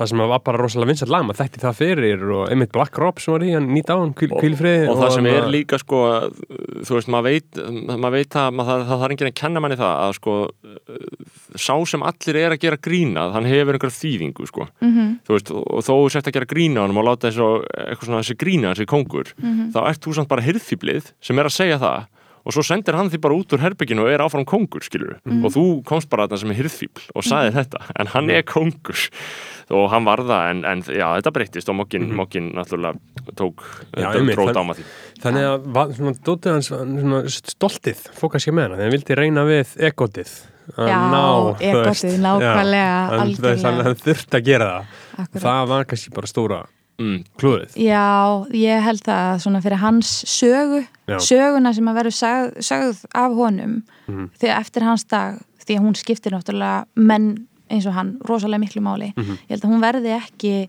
eins og hún kannski hefði getið orðið eins og hann hefði kosið Mhm. að stórum hluta vegna þessa frambóðs Mhm. sem að einhvern veginn þú veist, í staðin fyrir að vera þessi miklu sigurvegari sem að hann var á einhverjum blómatímum sko, þú veist, hvað svo sem fólki fannst síðan um það Mhm. að þá, þá Mhm. Og hann líkar ekkit vel að tapa sko. Nei, það er röglega mjög leðilt að tapa sko. Nei, þessum hætti allavega það er náttúrulega mjög leðilegt að tapa yfir höfuð Já, já, algjörlega já. um, En sko eitt sem við erum að tala um áðan þarna með sko uh, menningarumfjöllun og hvernig minni fjallaði um það, þess að eitt sem ég náðu ekki að segja hann sko, var að mér finnst svo áhægt sko, hvernig það er að þróast og því bara eins og krakkanir í dag, þú veist, við tala um í samhengi við áhrifaldana. Þetta er allt dæmt á öðna, uh, tölum og tölfræði í dag. Það er engin ekki stakur krakki í dag að tjekka á því hvað við erum að segja um þessa plötu þarna. Mm Þeir eru bara að sjá hvað þessu margir er að hlusta. Mm hvað, er- hvað er mikið að gerast? Og öll svona, þetta fer náttúrulega allt fram í lækum og þetta fer fram í streymi. Bara hversu vinslega þetta er, af því að þú veist þetta bara einhvern veginn drapst, fyrsta lagi bara út af þú veist, íslensku fjölmiðurumhverfi og íslenski meðverkni, skilur og bara uh, smægð landsins, sko. Þannig að þú veist, núna er þetta bara fullkomlega það sem er vinsælt en gott. Já, og það, það er þannig, það, það, það er ekkert sko, þú veist, það er ekkert en- engin millivöðu þar, það er ekkert svona það er vallan eitt critically acclaimed lengur þú veist, þetta er bara allan hjá, hjá krökkunum sko, þú veist, og, síðan gerast magnaði hlutin eins og bara núna, bara í fyrradag, það er allt í henni bara komið bara næst vinstalasta lag á Íslandi, er eitthvað UK drill lag með Tion Wayne, bara allt í henni sé ég það, ég bara, betur, ok, hlusta á þetta það fer eitthvað að googla, googla þetta. Og þá verður þetta bara eitthvað. TikTok Já, já. sensation. Einmitt. bara, svona, bara alvöru sko, bara UK drill tónlistastefna sem er bara sprottin upp úr sko, bara hörðum glæpum og gengjalífi í London. Bara einhver gaur sem er þar bara og allt í henni bara fer væral með eitthvað lag. Og það kemur til Íslands skilji, þú veist, og þetta er bara sem að krakkan er hlusta og örugglega allir, allir að uh, örgulega allir að pæli í og, en, en þeir meti þetta bara út frá því já það er allir að hlusta á það sem líða hlusta á það þeir Já. meti þetta ekki út frá já þessi hann að gaur kemur úr þessu hann hverfi og þetta samhengi í kringum hann og hann þekki En þennan og það þennan kannski hefur alltaf verið það. Þetta er bara, þetta er bara ný mynd af því. Já, því að, bara þú klassi, veist, klassisk hvaða- fjöldamenning Já, því að hvaða krakkar meta eitthvað svona, ég ætla að fara að grafa eftir einhverju þú veist. Það er bara einhverju posers eins og sem er Já. eitthvað svona, ég vil eitthvað generation Já, eitthvað þannig, sko.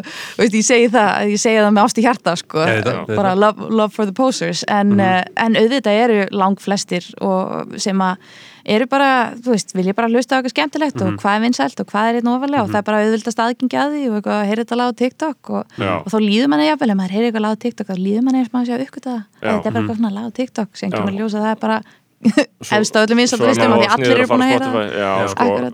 En mér finnst sko, ég er, ég búin að vera eiga, ég er búin að vera með eitthvað lag á replay núna sem ég held að sé nú alveg svolítið síðan að það kom út. Og þetta er sko, þetta er svolítið fyndið af því að ég er ekki, ég er ekki cool tónlistarmanneskjan í mínum þætti.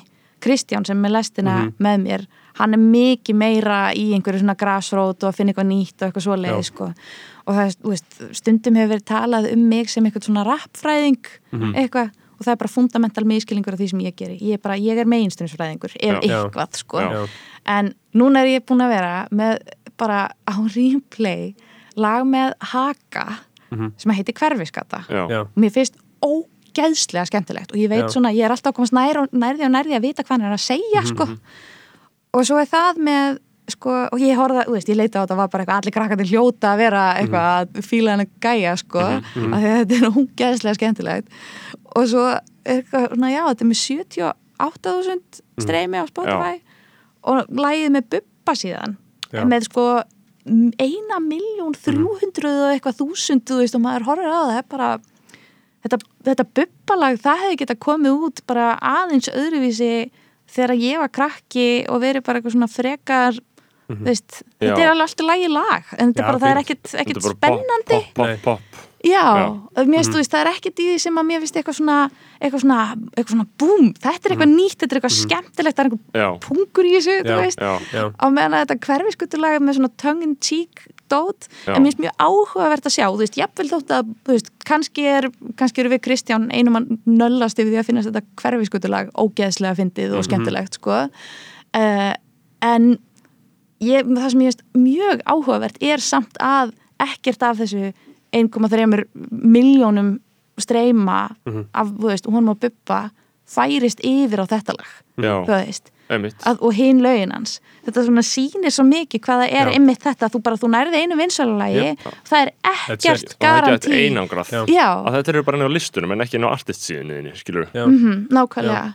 Og þetta er svona, þetta er að skapa einhvern veginn svona nýja tegund af svona one hit wonders Já. finnst manni, Já. sko. Já, Þetta þetta skapar sko að því að sko uh, rappið sko stjórnast rosalega mikið út frá því sko allan fyrir COVID sko, ég meina þú þarft að vera heitur til að fá gig þannig að vera borgað, skilur Mhm. þú, þe- þú þarft að vera með ákveði klátt til þess að þú ert bókaður á grunnskólan og bókaður á mentaskólan og bókaður í fyrirtækjum bókaður allt þetta uh, og til þess að vera það nútildags þá er alveg jafn gilt að vera með eitt vinsall lag og vinsall plötu það, það, það, það skiptir ekki máli Nei. Mhm. fólk vill bara heyra þetta eina lag skilur, og, og það er bara hann eins og greiði haki að lendi því núna í sumar uh, þegar ekkert var að gera þegar hann átti bara að eiga sitt moment Já, loksins skilur, það var bara COVID algjörlega í haki sko. Akkurat. en hverjuskata ég myndi ég samanlega gott lag sko, út af því að það er náttúrulega líka sko, þetta er í fyrsta sinn, eða svona fyrsta sinn í íslensku nútíma rappi sem er sögðu einhver saga sko. Ég elska þegar það sögur, Já, það hann- gleður mér svo mikið ég er ekki alveg viss hver sagan Já. er en hann er að fara frá hverfiskötu í partí og það verið að spila FIFA í partíinu, hann, hann, er að segja svolítið svona línulega narratífi Akkurat. sem hefur ekki verið gerð. Þannig að hann fer bara í stúdíó í staðin eða Já, eitthvað. já, þú veist- kveikir í framsóknarhúsinu í daginn tímpútið já, já, akkurat, akkurat. Þú veist, þetta- þetta er svona veist, uh, þessin er þetta skemmtilegt sko, Mhm. vegna tengir svona fólk uh, við þetta sko, en þannig að þetta er alveg rétt hjá sko, fólk, fólk hlusta bara á reysa stór lög og það vinsalera, þetta er svona veist, the long tail, það, það sem verður vinsalera verður enn vinsalera Mhm. og streymið gerir það líka rosalega mikið sko, bara það sem verður vinsalera magnifæjast bara algjörlega. Já, svo er náttúrulega líka það að fólk hlustar ekkert það er mjög mismyndi hvort fólk hlustar á texta eða ekki, Mhm. og ekki það í tilfelli haka þá, þú veist, mér finnst alveg nú erfitt að skilja hann til Já, þess að svona. Mhm. það kannski skiptir ekki máli. Uh, ekki að, mér finnst það ekki bara svona challenge og gaman að vinna fyrir því. Mhm. En uh, mér finnst þetta hásóldi sko, íslenskri íslenskri tónlist stundum Mhm. þetta með textana og þessi meðvitund um að þú veist, þú þarft bara eina línu þú þarft Mhm. bara eina línu sem að allir syngja með því Mhm. og svo restin getur þannig að vera bara eitthvað bullshit Mhm. þú veist, þú þarft bara eitthvað eitt catchy dót, þú veist, Já. og það en uh, það er ógeðslega gaman þegar það eru einmitt sagðar sögur Já. þú veist, það er það er eitthvað svona einhver svona, sem að tala líka bara inn í einhver svona íslenska hefð sem að er í rýmum og, og bara þessari munlegur geimt sem að, ég var í partí núna um helgina þar sem við vorum að ræða þetta, svona hvað er einkenni íslensks raps, þú veist? og við einhvern veginn, sko áttum bara mjög erfitt með að setja eitthvað eitthvað, mm eitthvað svona, eitthvað punkt á það, þú veist, af því að það er bara rosalega alþjóðlegt og það þýðir ekkit að það sé slæmt.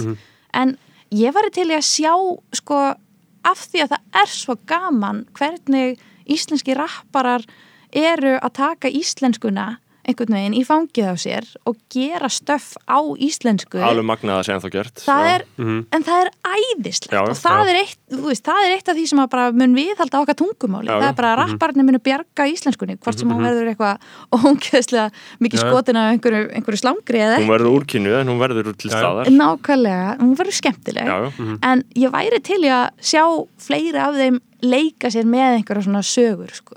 Og gera meira eða af bara einhverju einfallega inntak sko, þú veist bara inntak yfirleitt sko, ekki, ekki bara ég fer að sækja já, eitthvað og- skilaboð. Já, ekki bara ég er flottastur. Já, eða sko þú veist, já, það er hægt að segja þetta á margvíslegum hætti sko. Eh, ég held að ég held að það sem er- líka áhugavert í þessu að að það er gæld að verta að reyna að finna einhverja skilgrinning á einkennum íslensk raps ég held að það sé alveg mjög erfitt verkefni.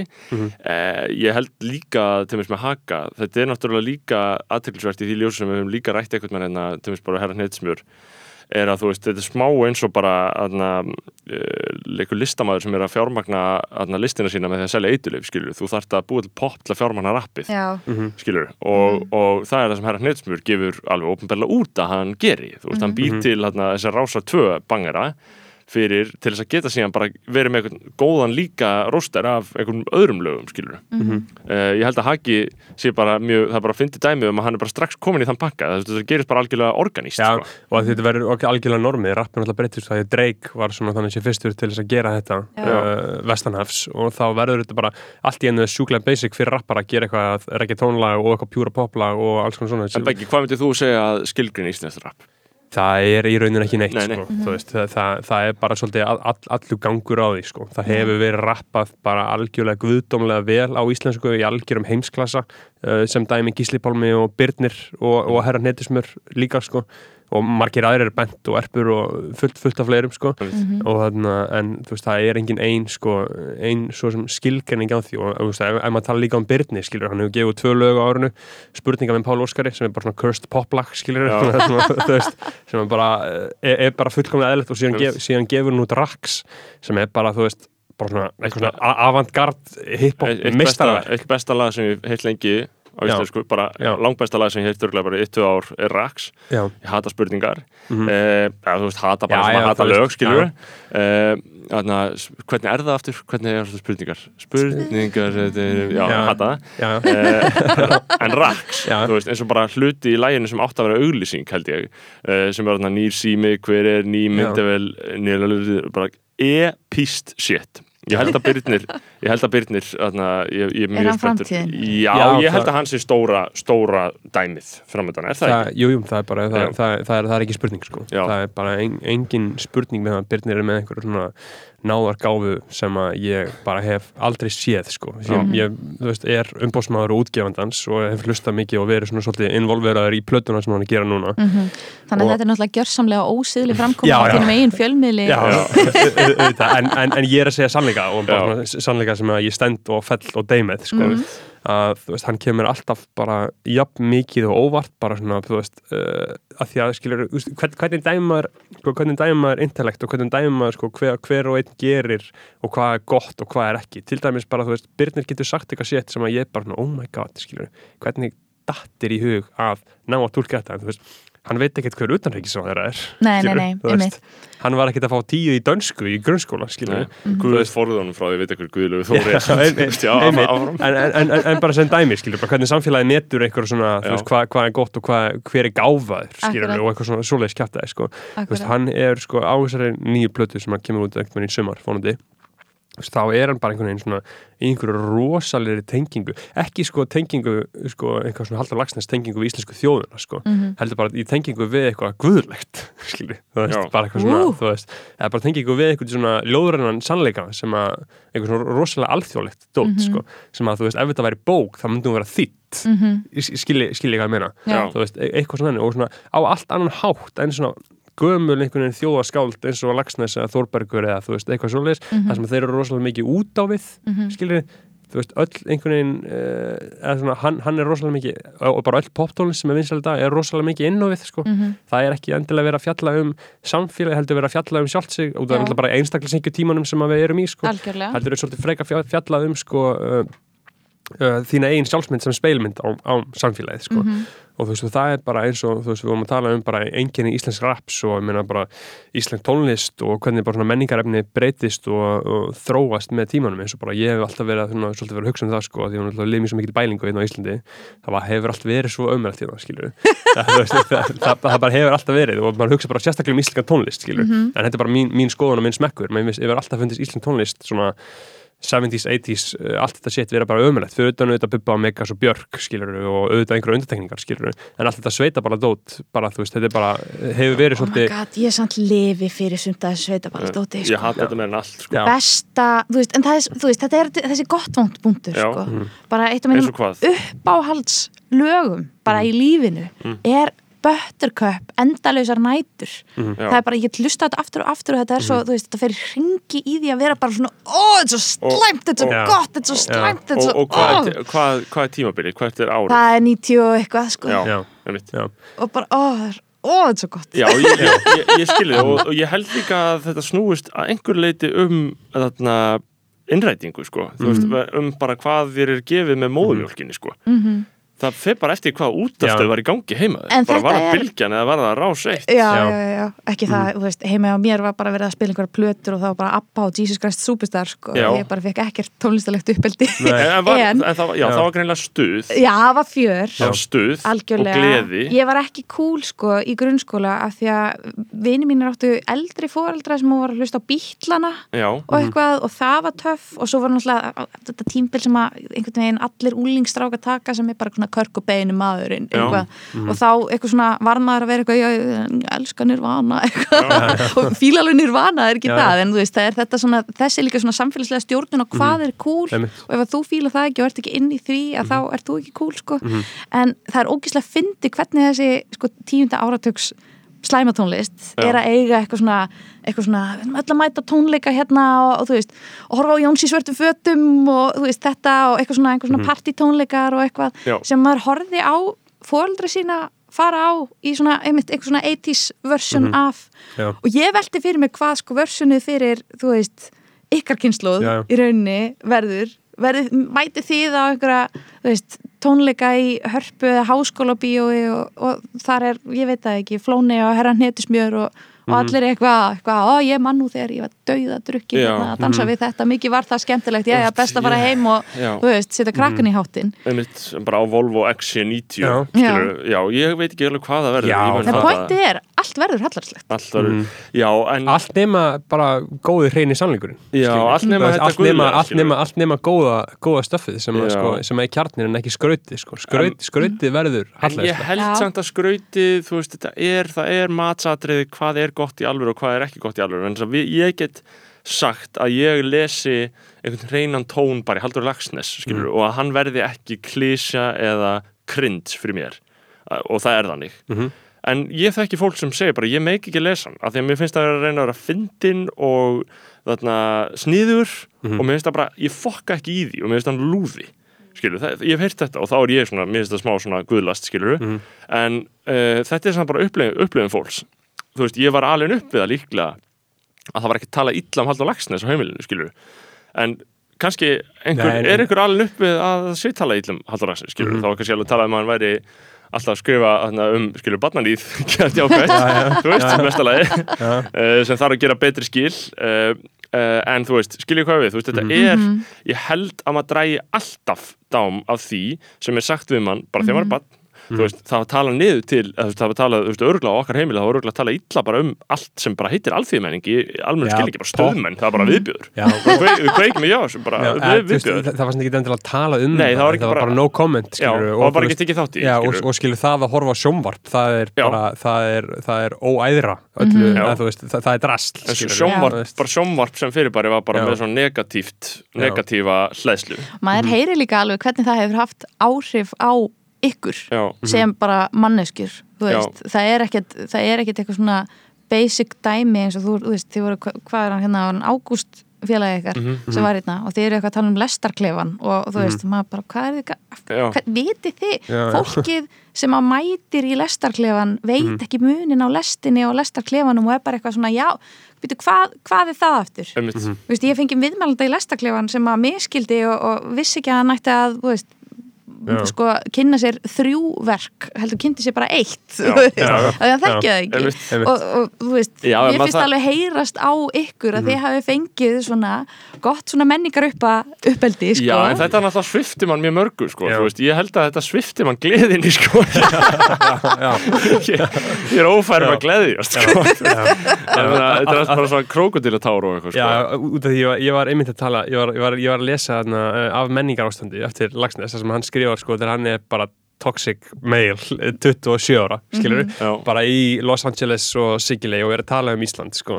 og þá var hann einmitt að tala um sko, að þú veist, uh, all, að hann er alltaf að ráðast á kirkjuna skilur, hann er alltaf að ráðast á kirkjuna og hvað það er hræðilegt og hvað er alltaf að vera þú veist, að því að kirkjan og uh, þú veist, hún er svo mikið á móti í jafna stefnunni, að því að þú veist, þú, þau vilja bara hætti, þau eru fátæk en Guð bjargar ykkur skilur, hætti, að- hætti að spá þessu og hann var alltaf að tala um það að kirkjan er tilgangslust jöfnuði, skilur, þú veist, það er Guð er ekki að fara að gera neitt við neitt ef hann er í einhverju kót bíli að krókna á kulda, skilur, þá var hann að tala um sko að, að það þurfti að koma á jöfnuði og síðan þurfti að kenna fólki á Guð og síðan þurfti að kenna fólki að syngja og dansa. Já, allir er bara að læra að syngja og dansa og það er náttúrulega, þú veist, það sem að fólk á að vera að gera uh, og það er það, tvent sem ég okkar erfiðast með í, Að- að í, í, mínu lífi dansa. Já, Já. bara að syngja og dansa, veist, það er bara svona, mesta skömm lífsmín sem fylgir því Ég tók langt tímabil þar sem að uh, sko kannski aðlega þar sem að ég var sett í eitthvað svona menningar forkóls hlutverk Mhm. þú veist, ég var bara eitthvað að skrifa um Nicki Minaj og eitthvað Mhm. og fannst það bara svona, veist, á einhverjum nótum sem mér fannst áhugaverðar Mhm. og allt í hennu var svona ákveði fólk kannski bara búið að setja mig á eitthvað svona, eitthvað svona stall sem eitthvað svona rýni Mhm. sem að ég var bara eitthvað "Vó, ég, ég veit ekki, er ég Mhm. það eitthvað og ég kannski get alveg gengst við því að vera menningarínir í dag en Mhm. ég fór, fór þá í einhverju svona já ég þarf að vera háfleig og þú veist líka bara að fara að vinna inn á rás eitt að þá líður manni og maður þurfi að fylgjast með Mhm. Já. einhvern veginn og maður þurfi að mæta í sinfoníuna og eitthvað og ég, bara, ég hef ekki já, áhuga á því bara klassist tónlist. Já, já. En sko, þú veist, það er ekki eins og það að mér finnst klassisk tónlist leiðileg kyrr og ekki sko, verið að fylgja einhverjum söguþræði, ég Já. kann ekki nógu vel á klassik tónlist til þess að fylgja söguþræðinu með henni. en sko þú veist, það var einhvern veginn ekki ég fer kannski ekki að blómstra í mínu starfi fyrir að ég leifi mér að vera bara algjörlega inn í þessum skítugasta meginströmi fyrir að ég fer bara í, þú veist bara af hverju er raunveruleika sjónvarp eins og það er? Já, og hvað getur við, veist, hvað segir það um okkar samfélag? Og ég held að sé alveg hægt að nálgast alla þessar hluti sem að eru ekki flottir og hæbrá og eitthvað svona, þú veist bara hlutir sem að við sem samfélag einhvern veginn svona fylgjast öll með en tölum niður. Já. og það var ekki fyrir þá sem að ég fann eitthvað svona ok, hér er ég bara í mínu elementi, hér er ég að gera eitthvað sem að mér finnst skipta máli þú veist, og það einhvern veginn sko, þú veist, hér er ég að Já. dansa og syngja í Já, rauninni þetta, sko. þetta, þetta er mjög mikilvægt, þetta er eins og hana, Werner Herzog segir þarna, a poet must not avert his eyes já, Mm. þú veist, þú ert að sjá þetta allt, skilur já, Mhm, einmitt, þú- algjörlega. já, ekki hætta Já. að einmitt, já, sumir, sumum finnst að rúf eigi að bara að vörta augun og bara ekki sjá alveg raunveruleikan, skilur ekki Mhm. endurspegla, þú veist, og það er líka þetta hliðvara, þessi hliðvara pæling sko, það bara, þetta er af, og lengst af, þá var það örgulega bara yfirlíkt stefna rúf að hafa vit fyrir fólki og segja um hvað væri Mhm. verðugt og hvað ekki Algjörlega á siðvöndunar tímum, ég held það og, og bara svona að passa upp á bara hvað hva þjóðin hefur gott að því að vita skilur Mhm. en sen er þetta allt orðið bara svo mikið fucking mikill hafsjór af drasli að það er miklu betra bara að gera honum skil hafsjónum skilur og gera flóðbylgjunni skil frekar en að reyna að þykjast vera að stýra einhverju skútu innan þess og hafa svona rétta sín ég held að það sé mikilvægt að, að hætta að veist, og ég djöfull finnst mér eitthvað, ég veit ekki ég, ég, veist, þetta klassiska element symfónían og allt það sé. Já. þú veist það svo leðilegt að Ég, ég er sjá þetta Þú allt veist, brenna sko. Nei, veist, að- og, sko. og, og þú veist að það er bara það er bara mín einlega bara svona ah, Já, ykkur. Uh, fuck ykkur. Og, og og þetta finnst mér líka því það er að tala um eitthvað svona málefnilegt ekki málefnilegt skilur þú veist, mér finnst gott að sjá í dagblæði bara dómur um einhverja symfóníu eða, eða, eða, eða hvernig það er. Og ég, ég viðkenna fúsla, það er líka svona eitthvað í mér sem segir bara ég hef ekki nú vita á þessu, þess vegna má ég ekki segja neitt um þetta, þess vegna má ég ekki vera á móti þessu. Og ég skil það sjónum við, ef einhver vil segja það skilur við mig, þú mátt gera á móti þessu því þú hefur ekki vita þessu, ég, alveg rétt veist. en ég væri bara til að dómur væri bara já, fór þarna, þetta sökkaði. Punktur, skilur, og bara hafa fokkin leðilegt, af því þetta er náttúrulega það sem svona hinn reyna tjáning uh, byltingakents úlings myndi bara gefa þér bara, veist, það er alltaf hinn sannig dómur, það er bara þetta sökkaði eða þetta sökkaði ekki, skilur og þetta er náttúrulega líka það sem er vandamálinn í, í lestaklefunum og lestinni að það þarf þarf fólk svolítið að vera þarna málefnalegt að einhverju leiti eh, ekki að það sé endilega vandamál það er auðvitað bara gott ef að fólk getur fært rauk fyrir máli sínu. Það er bara sam, samfélag manna skilur En það aldrei- en það, kemur, en það kemur aldrei neitt skilur og segir bara já, mér þetta að sökka illilega skilur, Við og við gerist það. Já, er það? Já, það gerist. já. Ég hef, ég hef alveg verið með uh, með í klefa þar sem að hérna, þar sem að viðmælendur uh, eiginlega voru bara á einu máli um að já, þetta voru ákveðni sjónvarstættir uh, sökkuðu feitan sko. Já, og það er rosa óþægilegt og þá Já. maður í einhverju svona, þá kemst maður ekkert lengra í umræðunni, það er líka það sem gerist, það er rétt, að fólk sko. segir bara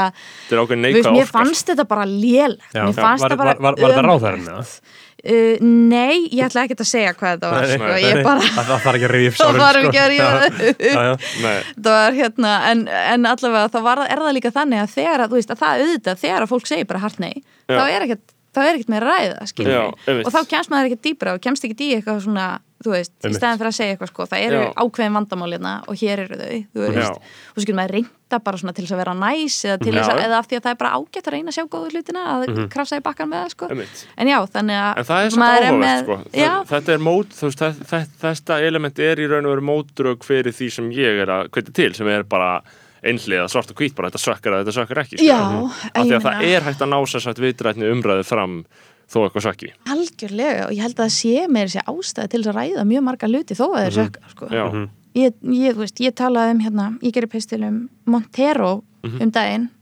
sem að sko, þú veist, eða vídjóið í rauninni. Djöfull var það dýrt maður. Ég hugsaði bara, vá, hvað það er dýrt. Já, á góðan hátt Já, á, á, á, á góðan átt, sko, bara eittir Mér miklu það. peninga í, í, í, fram, í framleysluna Nei, mér finnst þetta ömurlegt. Já, mér finnst þetta ógeðslega ógeðslega sko og svo, og ég, einmitt, það er þetta, sko, ég segi þetta með þessi í pislinum, sko, ég segi bara þetta orð er svo hræðilegt að því að þetta setur mig á einhvern svona asnalega stall, þetta er svo derivative þú veist, Já. þetta er bara svona algjörlega einhvern veginn svona afleitt af alls konar öðru dóti og mér finnst þetta ekki frumlegt. Mér finnst þetta, þú veist, það er útrúslega satisfying fyrir hins eginn samfélagið að sjá eitthvað svona, þið viljið ekki hafa okkur þá ætlum við bara að tvörka á djöflinum. Ok, allt í lagi, fínt. Þetta var ekki, þú veist, þetta er bara þetta er bara, ógeðslega mikið af þessu er eins og myndbandið hennar FK Twigs Já. í Cellophane sem var sko tilnæmt í sama flokki og, veist, og myndband frá honum sem að þýði það að auðvitað hefur fólkið hann séð Já. myndbandið og það er líka bara augljóst og réðu sama kóreografer og alls konar sko. Og svo er það, veist, það er svo mikið hæpi yfir hann tvörki á djöflinum hann bara tvörkar engan anskotan á djöflinum. Já, hann er bara eitthvað svona setur rassin á djöflin og á einum tímapunkti stendur hann á höndum á lærunum á honum og, og þetta er eitthvað svona þegar maður er að sjá ógeðslega powerful, mér er bara tvörk sem valda tæki geggjað sko, mm. það æðislegt fyrir bæri og hérna og maður að sjá það notað á geggjað einhvern svona powerful og skemmtilegan hátt Mhm. af konum og af körlum út í bandaríkjunum. Bæði uh, í sko þú veist, í myndböndum og, og svona þessari menningu en líka bara, þú veist, í klúbunum Mhm. bara, Já, bara nánast út á götunum, sko. Í karnivalinu bara. Já, þú veist, þar sem að, þar sem að tvörkið er sko einhver svona uppafning og, og fögnuður og kemur sko frá, ég man ekki hvaða landi í Afríku upprunalega, þar sem að það er bara, það er fagn, þú veist, það er leið til þess að fagna á götum úti, það er bara að hrista á sér motherfucking rassin Já. en, uh, en þarna er það ekki neitt Mhm. það er eitthvað ég tverka á djöflinum uh, sjáu Já. hvað ég er ógeðslega mikið eitthvað svona að senda eitthvað fokkjuputtan á eitthvað, það er bara, þú veist, og ég er til í það, ég er til Mhm. í að við, þú veist, að þessi sendur fokkjuputti á einhverja konservatífa kristna auðla sem að, þú veist, rífa niður þennan hóp, Mhm. rífa niður þennan mann, en þegar uppi staðið, það var þetta bara ekki raskat Já, Þetta var, sko, og ég, ég fer ekki af því mér fannst þetta, mér fannst þetta bara illa gert, sko. já En En hvernig það er auðveldra fyrir mig að segja þetta af því að þetta er bandarískur maður sem Já, að, þú veist Þú getur hraunað yfir þetta, því meina ég maður ímynda sér, þú veist og also, það er líka auðveldra fyrir mig að hrauna yfir þetta svona hérna hjá ykkur Já, Já. ég myndi aldrei tala Nei. svona í Já. sko uh, það er líka spurning um það bara hvernig að þú segir einmitt, þú veist, það eru kallar að tvorka í bandaríkjunum. Já, uh, og það eru konur að tvorka Mhm. uh, það er ekki margir að tvorka á Íslandi Nei, sem betur sorglegt. mér finnst það sorglegt, ég var til í Ég meira meina tvörk ég hjá Gíslamartinni uh, Bassi að ég var að mynda að fara að hugsa um það, þann performance skilur, hvernig Já. finnst ykkur þetta berast hinga hvernig, þú veist, og að þetta er svona þetta er einhver eh, svona LBGT uppreisn í þessu, augljós. Þú veist, þetta snýst að mörguleiti um það svona að bara endurheimta eh, eða bara svona að fólk er bara einhvern veginn að krefjast þess að fá plás og, og svo framvegis það er alltaf marga leiði til að skilja það. En bara, þetta er svona bara ákveðin uppreisn. Að segja bara, heyrðu, við erum hérna einhverju homar eða þú veist, eða við erum þarna, trans eða við erum, þú veist, bara alls konar eitthvað kjaftaði og stundum með brjóst og stundum ekki. Og þetta er bara svona þetta, þetta konsept, þetta stóra kyn flæði eh, þetta ber berst til Ísland með einmitt æði, þú veist, það, það eru bara tvær serjur af einhverju flökti og einhverju snild skilur og þú veist, og, og, og hommum eh, þú veist, hvernig finnst þetta berast hingað til landsins, Ég í Gíslamartinni, hvernig kem, kemur þetta út? kyn, kynflöktið Já, ekki Hmm. mm. það, heldur líka bara svona veist, þessi menning, að þetta er ég, mér finnst þetta að vera ákveðin að- kategória sem Þeir, er bara, þeir, þeir voru náttúrulega gaggrindir, Bassi og Patrikur og Binni fyrir að einmitt sko adopta svona talanda svartra kvenna Já, men, menningarnámið, Já. akkurat Já. Uh, nú liggja hérna húpsinn mín hérna á borðinu þegar ég bjóð út í Berkeley eða út í Ógland sko, Já. ég bjóð þarna á landamærunum uh, og Ógland svona, svona sögulega einn svartasta borg bandaríkjana, Mhm. það er fljótt að breytast út af gentrification. Uh, þá var einmitt sko ég var það eiginlega íhaldsamari við að búa þarna og Berkeley er hippaborgin og allir eru ógislega liberal og alveg bara svona, þú veist, engin gætt kosið þú veist, Clinton af því að Einmitt. það var bara eitthvað svona, hún er warmonger og eitthvað. Uh, ég varð íhaldsamari við að búa þarna út af allir hvíta fólkinu sem voru að segja mér hvernig ég mátti fucking hegða mér. Já, og það snýrist ekki um og þú veist auðvitað í sömum tilfellum að þá er þetta það sem við erum búin að tala um sem að ég bara, ú, ó, ok, þetta er eitthvað sem að ég sem íslensk manneskja sem hef ekki verið þú veist, í þessari menningu átta mig ekki á, ok uh, en svo er eins og þetta, þessi húps sem að, sko það var góð vinkona mín hvít góð vinkona mín sem að bara hætti ekki að tala um, um það já. sendi mér greinar. Stó, svona stóri ringir sendi mér menn, veist, sendi mér einhver svona greinar einhver svona skoðanapistla um að þetta væri eitthvað svona latína og, og svartara konu dót sko, sem að er, ef að svört kona hefði sagt við mig þú veist, veist það að mér líður, einhver, einhver mínu umhverfið eða hvað, eitthvað, mér líður eins og þú eigir ekki að vera með þetta. Mhm. ok, fair enough. En þessi hvíta stelpa var einhvern veginn að slá sér til rittara með því að segja þetta. Þegar að staðrendin er svo að þú veist, ég ólst upp með Missy Elliott með uh, Jennifer Lopez með öllum, þú veist, með bara ógíslega mikið af skvísum sem voru með húps og ég vildi líka vera með húps að ég vildi, þú veist, ég vildi vera eins og þær og þetta er sko, en ég fer ekki að, ég fer ekki að mála húðina á mig dekkri, það er ekki það þú Nei. veist, það er, það er hljóta að vera einhver mörk í appropriation og appreciation. Já, já. og sko talandi svartra kvenna fyrir samkynniða karlmenn uh, þetta, svona, þetta, þetta black speak held ég að mhm, þetta sé kallað.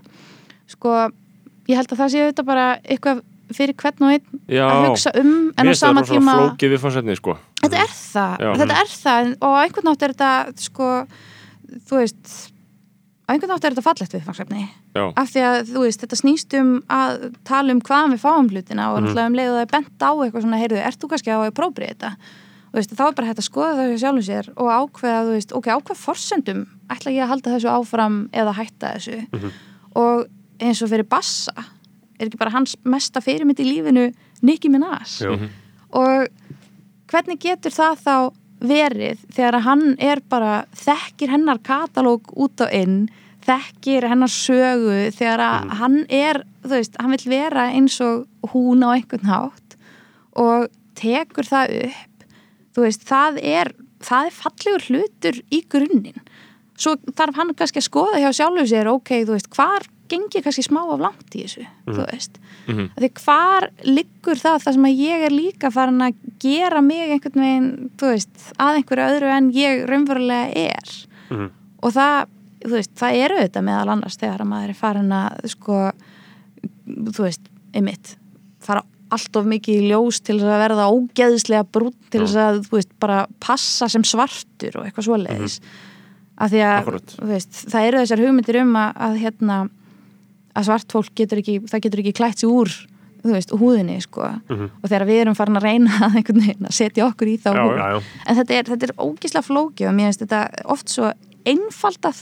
Það er bara menningar nám er allt, allt hræðilegt eitthvað. Já, Twitter virkar náttúrulega þannig að það kemur eitt myndband eða svona, ég man að hún postaði þessu held í fríða uh, Þorkelsdóttir uh, myndbandi af þeim og sagði bara hvað, já, þessi gaur eru ógslið, hvað er það að fokkin gera? Eitthvað hættið að herma eftir svörtum. Og þú veist, og þá kemur bara eitthvað svona uh, mjög mörg likes og þá er svona, þú veist, þá hefur maður tilneigu til þess að svona já, ok, það er eitthvað að þarna skilur og, og ég held að það sé náttúrulega alltaf þetta er bara svo að fá slæma fyrirsögn á sig skilur, þú veist, þú farið svona slæmt myndband en, en umræðan verður sjálfnast eitthvað dýpri. Það er reyndar allir hægt að tala um það núna það er enginn, þú veist, það elska bara allir þessa gauðra, sko. Já, já. eh, það sem að væri geggjað væri ef að þeir gætu tekið umræðuna sko. já, já, af því að Já. mér finnst alveg fínt að það komi upp umræðan um þá og um hvernig þeir, þeirra personur verða til Mhm. uh, og þú veist að því að þetta eru, þetta eru personur við erum öll í einhverjum personum alltaf og sumar Já. eru bara íktar naðrar Mhm. og það væri geggjað ef að þeir gætu tekið þá umræðu og það væri bara hægt að tala um það og hvað þetta þýðir og allt þetta sko að ég held að um leið og við tölum um menningarnámið og tölum um hvaðan hlutinni koma að þá, þú veist þá einhvern veginn verður til einhver svona skilningur og einhver virðing og eitthvað fallegt. Og hvort að þeir akkurat eru endilega menninir síðan í að taka þá umræði Já, er síðan annað mála því að veist, þeir eru kannski bara ekkert að pæla neitt rosalega djúpt Nei. þannig að það gerir það svona aðeins flóknara. En þetta er svona eins og, eins og með tvörkið að sko þegar að, þegar að hún hérna ga, hva, Miley Cyrus þegar Miley Cyrus tvörkar á VMA hátíðinni eða eitthvað einhver tíman svona stuttu eftir Wrecking Ball að þá uh, segir ekki að Celia að Miley hafi stólið tvörkinu frá henni því hún hafi tvörkað fyrst. Sem er náttúrulega bara já, já. Mhm. Fyrring. bull, Mhm. sko, Já, já. algjör fyrring nákvæmlega uh, og þú veist, þar erum við komið vandamál Mhm. þar sem við erum, sko, þar sem að hvítt fólk er að eigna sér einhverja svona hluti Mhm. uh, það þýðir ekki að hvítt fólk megi ekki tvörka Mhm. það har kannski sætt sér við að, að flest okkar verða kannski ekki að góði því og, Mhm. og, og þú veist og fólk sem er bara, ég veit að ekki elst upp í tvörkið Mhm. uh, en en við verðum bara að vita hvað það kemur og verðum að bera virðingu fyrir því Mhm. þú veist, það, það er pointið Mhm. pointið er ekki veist, þetta er ekki fyrir þig Já. í flestum tilvíkum veist, ok, sleppum því að vera með cornrows kannski og eitthvað Mhm. svoleiðist, þú veist en oftast snýst þetta um að bara ef þú veist af hverju þú ert að gera þetta og veist hvaðan það kemur, þá er þetta ekki þá er þetta ekki rán eða menningarnám, þetta er þú veist, Mhm. appreciation Já.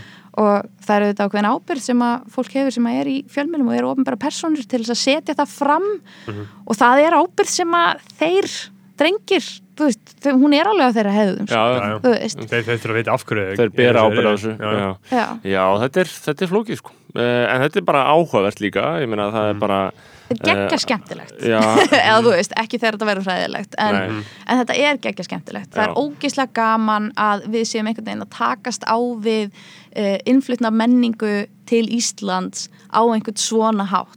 Þar sem við erum ekki bara að einhvern veginn adoptana án, þú veist, án nokkura spurninga og en, þú veist, en heldur ekki að ítin út af því að hún er ósöðlega eða ekki við það sem er líka einmitt, þú veist, þ- þetta er eh, sko alþjóðaðingin er svo raunveruleg að þetta er svo gríðarlega mikil breyting. Við erum svo mjög mikil hluti af heiminum ólíkt því sem var bara örgulega fyrir 20 árum eða 30 árum að það er bara eðlis ólíkt hvernig list verður til núna og hvernig við tjáum hugmyndir okkar ég meina, uh, þú veist að þetta hefur áhrif á sko, þetta hefur áhrif á hvernig fólk sko reyfi líkamann á sér, þú veist það er viðbjóðslegt að horfa á börn á svona úlingsaldri uh, gera þessa TikTok-dansa mm. veist, ég fæ bara svona ofnæmis viðbröð viðbjöður, þú veist, þau eru að gera þarna dansana ég get ekki sínt hlustendum á en svona eitthvað svona Ekki- ekki- ekki allt. okkur heldur.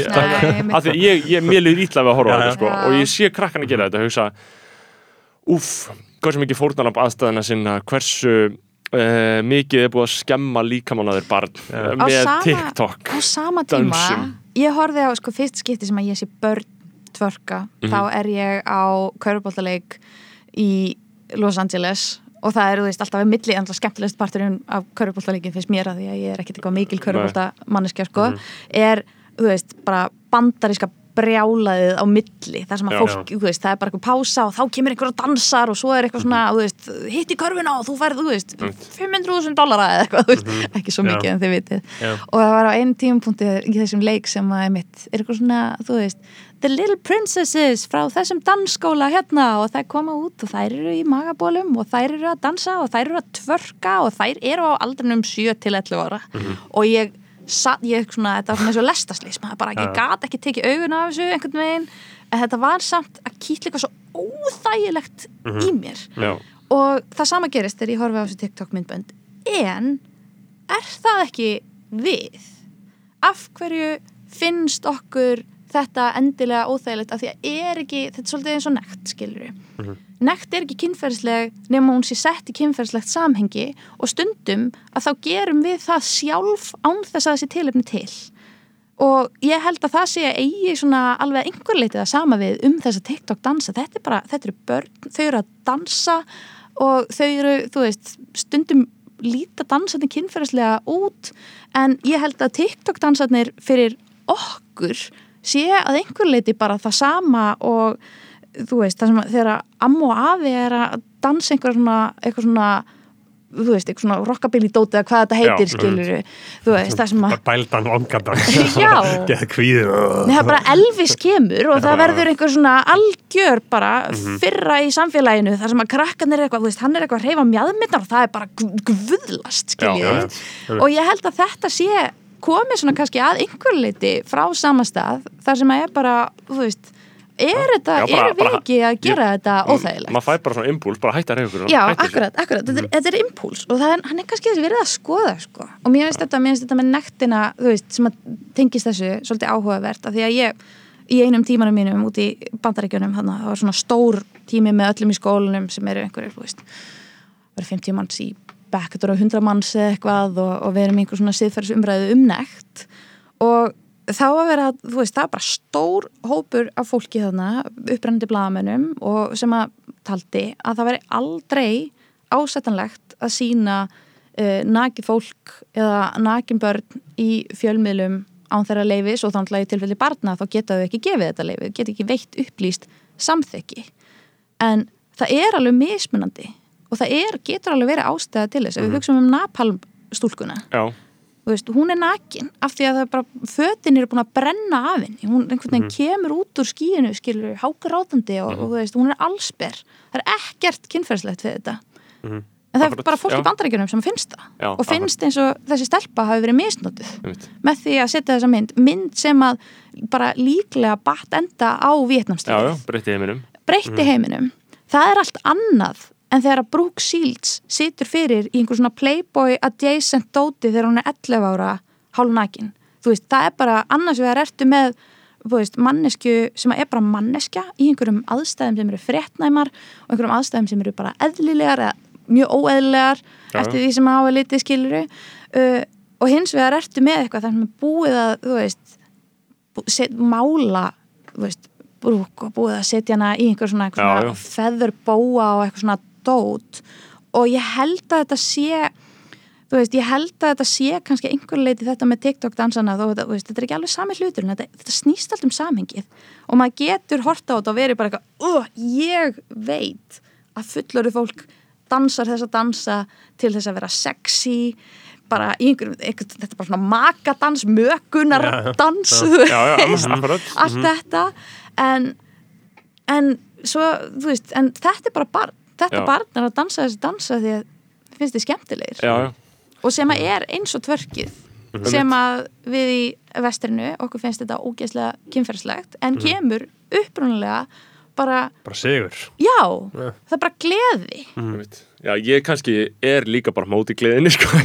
það verður búin að komast að því já. það er líka örgulega rönd í þessu sko. um, eh, TikTok er þarna, svakalegt dæmi ég var ég er búin að vera TikTok aðeins núna uh, bara eitthvað að skoða þetta til þess að vita þarna, og, og maður verður mjög háður þessu Já, Eh, ertu búin að búið til account eða? Já, account? ég er bara á Já, TikTok, já. skilur, en ég hef ekki verið að setja neitt á TikTok. Ég var alveg til að setja myndband á TikTok, en þú veist, hvað myndir þú gera í myndbandi á TikTok? ég, ég, þú veist málið er myndir að þú dansa? ég myndi ekki dansa. ég, ég, ég myndi alveg, ég get alveg gert eitthvað dansmyndband, ég myndi ekkert kippa mér upp við það, eh, eða er eitthvað svona, þetta er trend, það er ekki eins og svo að trá, tjá þig persónlega með dansinu, mm. þú er bara að herma eftir því sem allir hinn er að gera, skilur. En sko, þú veist, þetta er svakalega mikil mikill blæbriða munur í kynnslunum hverju taka þátt í TikTok og ekki. Sumir samt hafa meiri aðlunarhefni niður fyrir sig Já. en aðrir. Ég hef ekki endilega þessa aðlunarhefni ég er bara búin að vera á mínum miðlum sem hefur bara verið eðlilegt að byrja á og TikTok væri svolítið reach og þú veist, og ég get ekkert bara stíð inn í það, skilur, þú veist, það, sumir hafa miklu meiri aðlunarhefni og er bara drullu sama, það er bara, þau eru bara 26 ára, bara TikTok, hvað er það? Opna það og eru bara búin að posta TikTok, ég eru bara byrjuð, skilur aðrir, ég er bara svona, jæja, þú veist er, skoða þetta, kynna mér þetta hver er að eiga þetta hvernig, hver er algoritmin hérna? Þú veist, aðrir hugsa ekki svona, sko. Finnst alltaf, mér finnst alltaf ekki magnað að sjá einmitt fullorið fólk, af því að ég fæ bara TikTok mín frá Twitter eða Instagram og það er eiginlega ofta skemmtilegasta efnið sem að ég fæ í þangað sem einhver, það er síjað út svolítið. Já, sem einhver Já. kemur að þá er þetta eitthvað good shit sko. þannig að ég er bara svolítið hennan Tóni gerði, Sigurður Anton sem að Já. gerði hana, mentor avantgard mesturverki mentor sem kom út í fyrir hann hann gerði þarna, hann tók saman Sölva og Arkelli já, Já, ég sá það. akkurat, og, og já. þú veist, maður sá bara ákveð það var kvikmynd að gera maður sem að gerði þetta skilurðu. þetta var bara svona raunulega hefur ángrímsverklega tekið hann tvo daga. Eða veist, já, já, einmitt, smá all- stund. allavega vinnudag skilur, allavega vinnudag. Smest Ég á meina- TikTok. Já, og þarna mér, mér fannst það bara magna hvað menn leggja vinnu í þetta skilur, fyrir ekkert svo mikið tilbaka. Ja, þú veist, þetta er svolítið svona þetta er smá svona, svona bara, Já, sko, á, ávinningurinn er umdeilanlegur að umfangi, sko, þú veist, það er mjög flókið að fatta hvað fólk er að fá fyrir það sem það gerir á samfélagsmiðlum. Þú veist, ef maður hugsaður út í að þannig að því að uh, við erum auðvitað öll að gera endalasta sétti frýtt þú veist, að því að það er það, maður er endalast að hugsa um þetta þegar maður er í fjölmiðlum sjálfur og líka á eh, veist, hvað er frýtt og hvað er ekki frýtt Einmitt. þetta er rosalega flókið fyrirbæri uh, en það er rosalega mikið að byggjast inn í okkur meira og meira og meira að við gerum allt frýtt að þú gerir sétti frýtt mm bara, það er enginn sem vill borga þér. Bara samfélagsmiðlarnir sópa allt til sín, þau græða allt og þú gerir frýtt og á móti færðu samþyggi eða vinsældir. Og þetta er algjör sturlun sko, veitli, en ég er alltaf stið TikTok en þar eru kynverðarnir held ég að græða.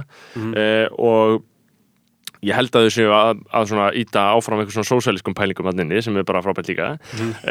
aðna, uh, og ég minn skilsta algoritmarinn er að sé að hall, hallir undir slíkt sko. já, en, en síðan heyrir maður líka alveg að einhverjum svona, mik- mikil svona menninistreifingu Já. þarna einmitt, sko. Og svona super straight hreyfingu já, algjörlega. en hvernig, á, á Íslandi en ég meina, Anna, þú hefur uh, rannsakað þetta svolítið, TikTok. TikTok? Já, þú, þið, þið voru með svona, svona Já, tók- pislaröð, serjur ég, ég tók viku í að tala við þú veist, þar sem að ég, ég er með fjóra þætti í viku og Já. í þessari tilteknu viku þá talaði ég við fjóra mismundi aðala sem að framlega TikTok efni já, íslenska sko Mér finnst þetta, mér finnst TikTok mjög áhugavert. Ég held að TikTok sé svona, þú veist þetta er, þetta er svo fyndi með þessa nýju miðla. Þetta er allt, þú veist, þetta fylgir alltaf einhver leiti svona sama trajektoríinu, skiljið, þar sem að þú veist, alveg eins og Instagram áhrifavaldar þú veist, á tíma voru allir eitthvað að reyna að tala við kameruna og eitthvað og svo bara á endanum þá verður það döl og þeir sem að haldast í því er fólk sem er bara farið að vinna við þetta. Uh, og TikTok er að, þú veist, einhver liti en fólk, já, og sama með hlaðvarpið ég held að, þú veist, fólk fer í þetta sem er bara svona, þetta er bara, ég sést bara niður og ég ger bara eitthvað, ég er bara að sína fólki hvað ég er að gera hérna um daginn og ég er bara að, þú veist Já. dansa við eitthvað TikTok mynd byrja að voga hverstaslega Já, og, þú veist, og fólk heldur jáfnvel að það verði þú veist, muni verða vinsælt og það verði frækt eða eitthvað út frá því skiluru og svo, það eru sumir sem að ná þangað, en það er fólki sem að leggur auka vinna í það. Þú veist, það er fólkið sem að sko, þú veist, in the end er, já, annarkvort kannski frækt fyrir eða að gera eitthvað sem að gerir það þess virði fyrir hlustandan áhörvendan að fylgja þér að, uh, veist, hlusta á hlaðvarpið þitt og allt þetta. Og ég held að TikTok sé svona, muni kannski þróast að einhver leiti í sömu átt uh, en það er ógslag gaman að vera einhvern veginn með frá byrjun og þú veist, sjá úlingana í svefnherbygginu sínum að taka eitthvað upp Já. og vera eitthvað að tjá sig. Og ég elska TikTok fyrir insýna inn í hugarheim þessa, þessara kynsluðar sko. Og það hvernig maður allt í einu þetta, er, veist, þetta er bara fyrir fjölmjölafólk í í hvert skipti þá er alltaf heimur 20 ára og yngri bara algjörlega lokaður. Já, hann fer fram alltaf á einhverjum kanölum sem að veist, Þú skilur ekki já, maður að. skilur ekki, maður hefur ekki aðgang að þú veist, allt þetta. Nema þarna þá get ég bara opnað eitthvað app og þá sé ég Mhm. og auðvitað er það ekki, ekki heilstæð mynd en það er einhver mynd. Ég myndi eitthvað bróta kent Já, Já, og mér finnst það geggjað, en Já. þú veist, ég velt alveg fyrir mig hversu lengi, þú veist, hvena kemur the next thing, þú veist? Já, já. langt síðan next thing kom. TikTok er að nýjasta. TikTok er það nýjasta og TikTok er alveg búið að vera around í einhver tíma Ég er að segja, Já. TikTok, mér finnst TikTok það er búið að vera að suða í eirunum á mér alveg 2018, 19, rúglega, skilur mjög lengi. Já, en núna er fullorna fólkið komið, þú veist. Það er bara Já. alveg, alveg nóga fólki bara um og um og í kringu færtugt skilur sem, a, sem að er inn á TikTok og er að gera eitthvað dót og, og er að reyna að fræða krakkana og alls konar þannig og fyrir utan það að Og er mamma en og pappi eru komið TikTok sem að eru, þau eru farin að horfa, þú veist, þau eru ekki að þau séu að gera það en þau eru farin að skoða hvað er verið að setja þarna inn á Akkurat. Og, þetta já, þá skemmist það Já. sko. og það er bara eins og, eins og þú veist, það var hægt að skemma Instagram og einhver leyti Facebook líka, sko Facebook, algjörlega, klálega sko Já. og einhver leiti Snapchat jafnvel Já. sko, þó að það, ég held að það gangi því gangi betur Já. en var spáð sko. Já, krakkar er ennþá inn á Snapchat sko. Já, ég held að það sé að því að þar getur haldið þínum kanal algjörlega sem þínum Já. Kanal þú getur líka verið bara, það gengur mikið meira út að að senda bara skilabóð á eitthvað X Og vera í hópum og svona. Já. já, nákvæmlega. En, en, en mér sem ég er líka svo áhört við það því náttúrulega Facebook á Instagram og na, allir krakkar eru á Facebook líka í dag. Maður ma, ma held það að bara krakkar er ekki á Facebook. Já, en, eru krakkar á Þe- Þeir eru á Facebook? Af því þeir verða að vera af því þar eru íventar og Já. Þar eru grúpur og þar eru grúptjöld þetta er aðalega sko fyrir viðburði Já, sem að þetta er aðalega. Og það er náttúrulega augljós, uh, augljós brotavilji Mark Zuckerberg að hafa þetta þannig. Já. Auðvitað gæti hann léttilega gert þetta allt á Instagram.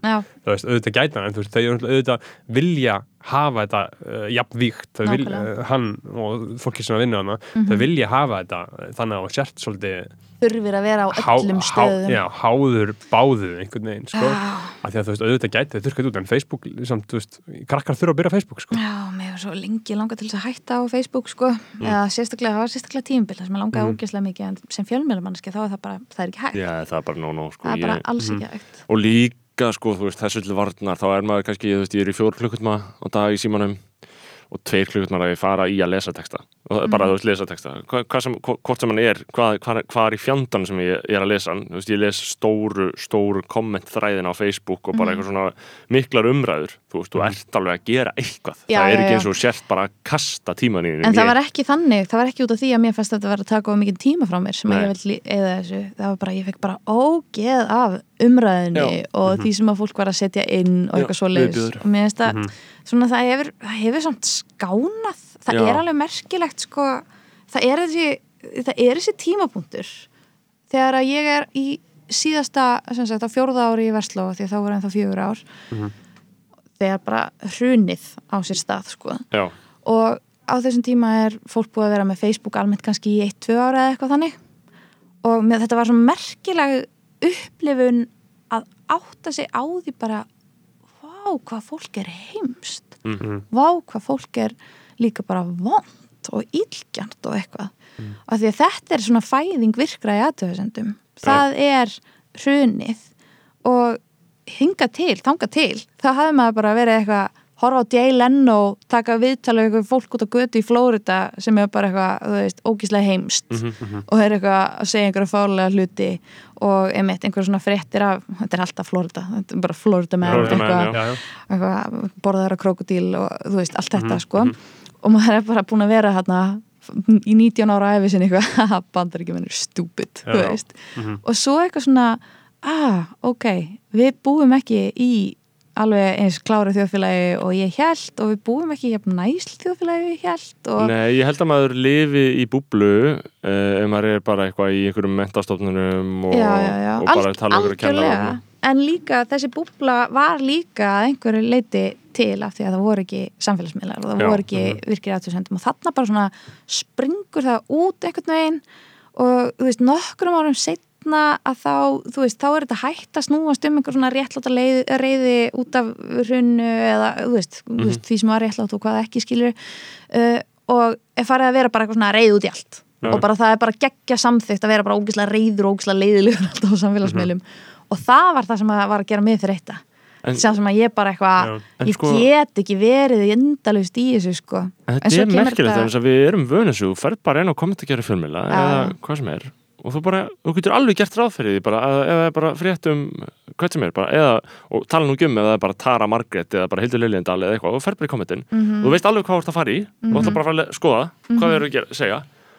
Og þetta er bara alvöru fólk Já. að kommenta bara bara ógíslega mella. Bara hræðilega hlut bara dreftu þig. Og maður bara, ha, þú er bara skutið undir nafni. Mhm. en maður, maður spyrir sig, skilur, hvað er að gera þannig hver er mekanismin, því ég vil miklu frekar vita það sko, því ég veit að það er alls konar fólk með mjög mismundi background sem það fá allir aðgang að náttúrulega Facebook, það er engum bannað að koma inn, skilur, þannig að það fá allir að tjá sig. En ég vil vita hvað drýfur þessa hegðun, skilur, hvað af hverju myndir þú kommenta þetta? Bara af hverju myndir þú kommenta þetta hver Ég er held að grunn það kvötin sé- ég held að það sé bara fólki sem að líður einhvern veginn illa í sér og þarf að taka út annar staðar sko. Já, maður sé algjörlega þannig. Og Já, oft líklega. fólki sem að finnst viðkomandi vera að ráðast á sig. Ég meina við sjáum það bara í viðbröðunum við sjálfa já, Þú veist, fólk langar svo ofbáslega mikið til þess að trúa því að hann sjálfi sem að er þegar upp í staði bara svolítið eins og þú veist, ég, ég út í bæ. Að hann myndi ekki gera svona veist, hann myndi ekki, hann myndi ekki með einhvern. Og veist, við trúum því svo mikið að við trúum því að þetta hafi ekki einu sinni, það sé ekki einu sinni alveg fólk á bakveit, þetta hafi bara verið slúðursaga skilur já, og veist, þannig einhvern veginn kemur þessi reyði út af því að veist, þegar að við horfum á sölva gráta og ég segi við og ég uppliði náttúrulega ekki þessa tilfinningu svo sem sko, en ég get samt alveg sett mig í spór fólk sem að uppliði þessa tilfinningu og bara sér sjálfan sig gráta.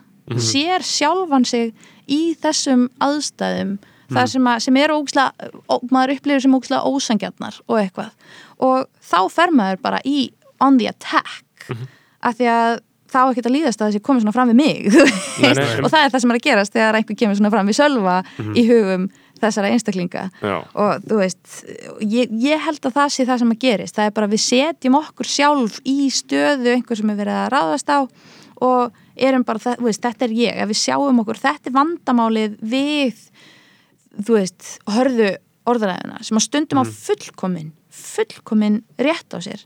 En hún er oft alienating fyrir fólki sem við þurfum einmitt að vera að ná til sko. Já, Já, og það er, það býr til skrýmslaveðingu og það snýst, þú veist, orðaðan gegn skrýmslaveðingu snýst ekki bara um að einhvern veginn uh, þú veist, fólkið fólk átti sig á því að uh, hérna þeir sem eru, þú veist, að vinið er að geta framið eitthvað eða að við, þú veist, komum eitthvað betur fram við fólk sem að, þú veist, að, sem að fremur kynferðisbrot að þau séu líka manneskjur, þetta snýst bara um það að, þú veist, ef að við afvopnum umræðina og að þá kannski, þú veist, þá kannski er hægt að fá einhverja dóma og eitthvað og það er hægt að, þú veist, eitthvað svona ég veit það ekki, sorry, ég kom inn í eitthvað svona spinn, ég sá Nei, nei, uh, ég sá mjög mikið af kommentum og mjög mikið af fólki sem er að segja ef ég er að followa ofbeldsmannin lát mig vita og ég ætla að hætta að followa hann. Og síðan sér maður á Twitter að það er einhver sem að bara lét manneski vita veist, þetta er hérna, manneskjan sem að brauta á mér einhvern veginn. Já, og viðbröðin eru náttúrulega bara oh, þetta er bara svo góðu vinu minn, veist, við erum bara í sama vinuhóp og, og eitthvað, sorry, þú veist, Já. uh, vona þú skiljir.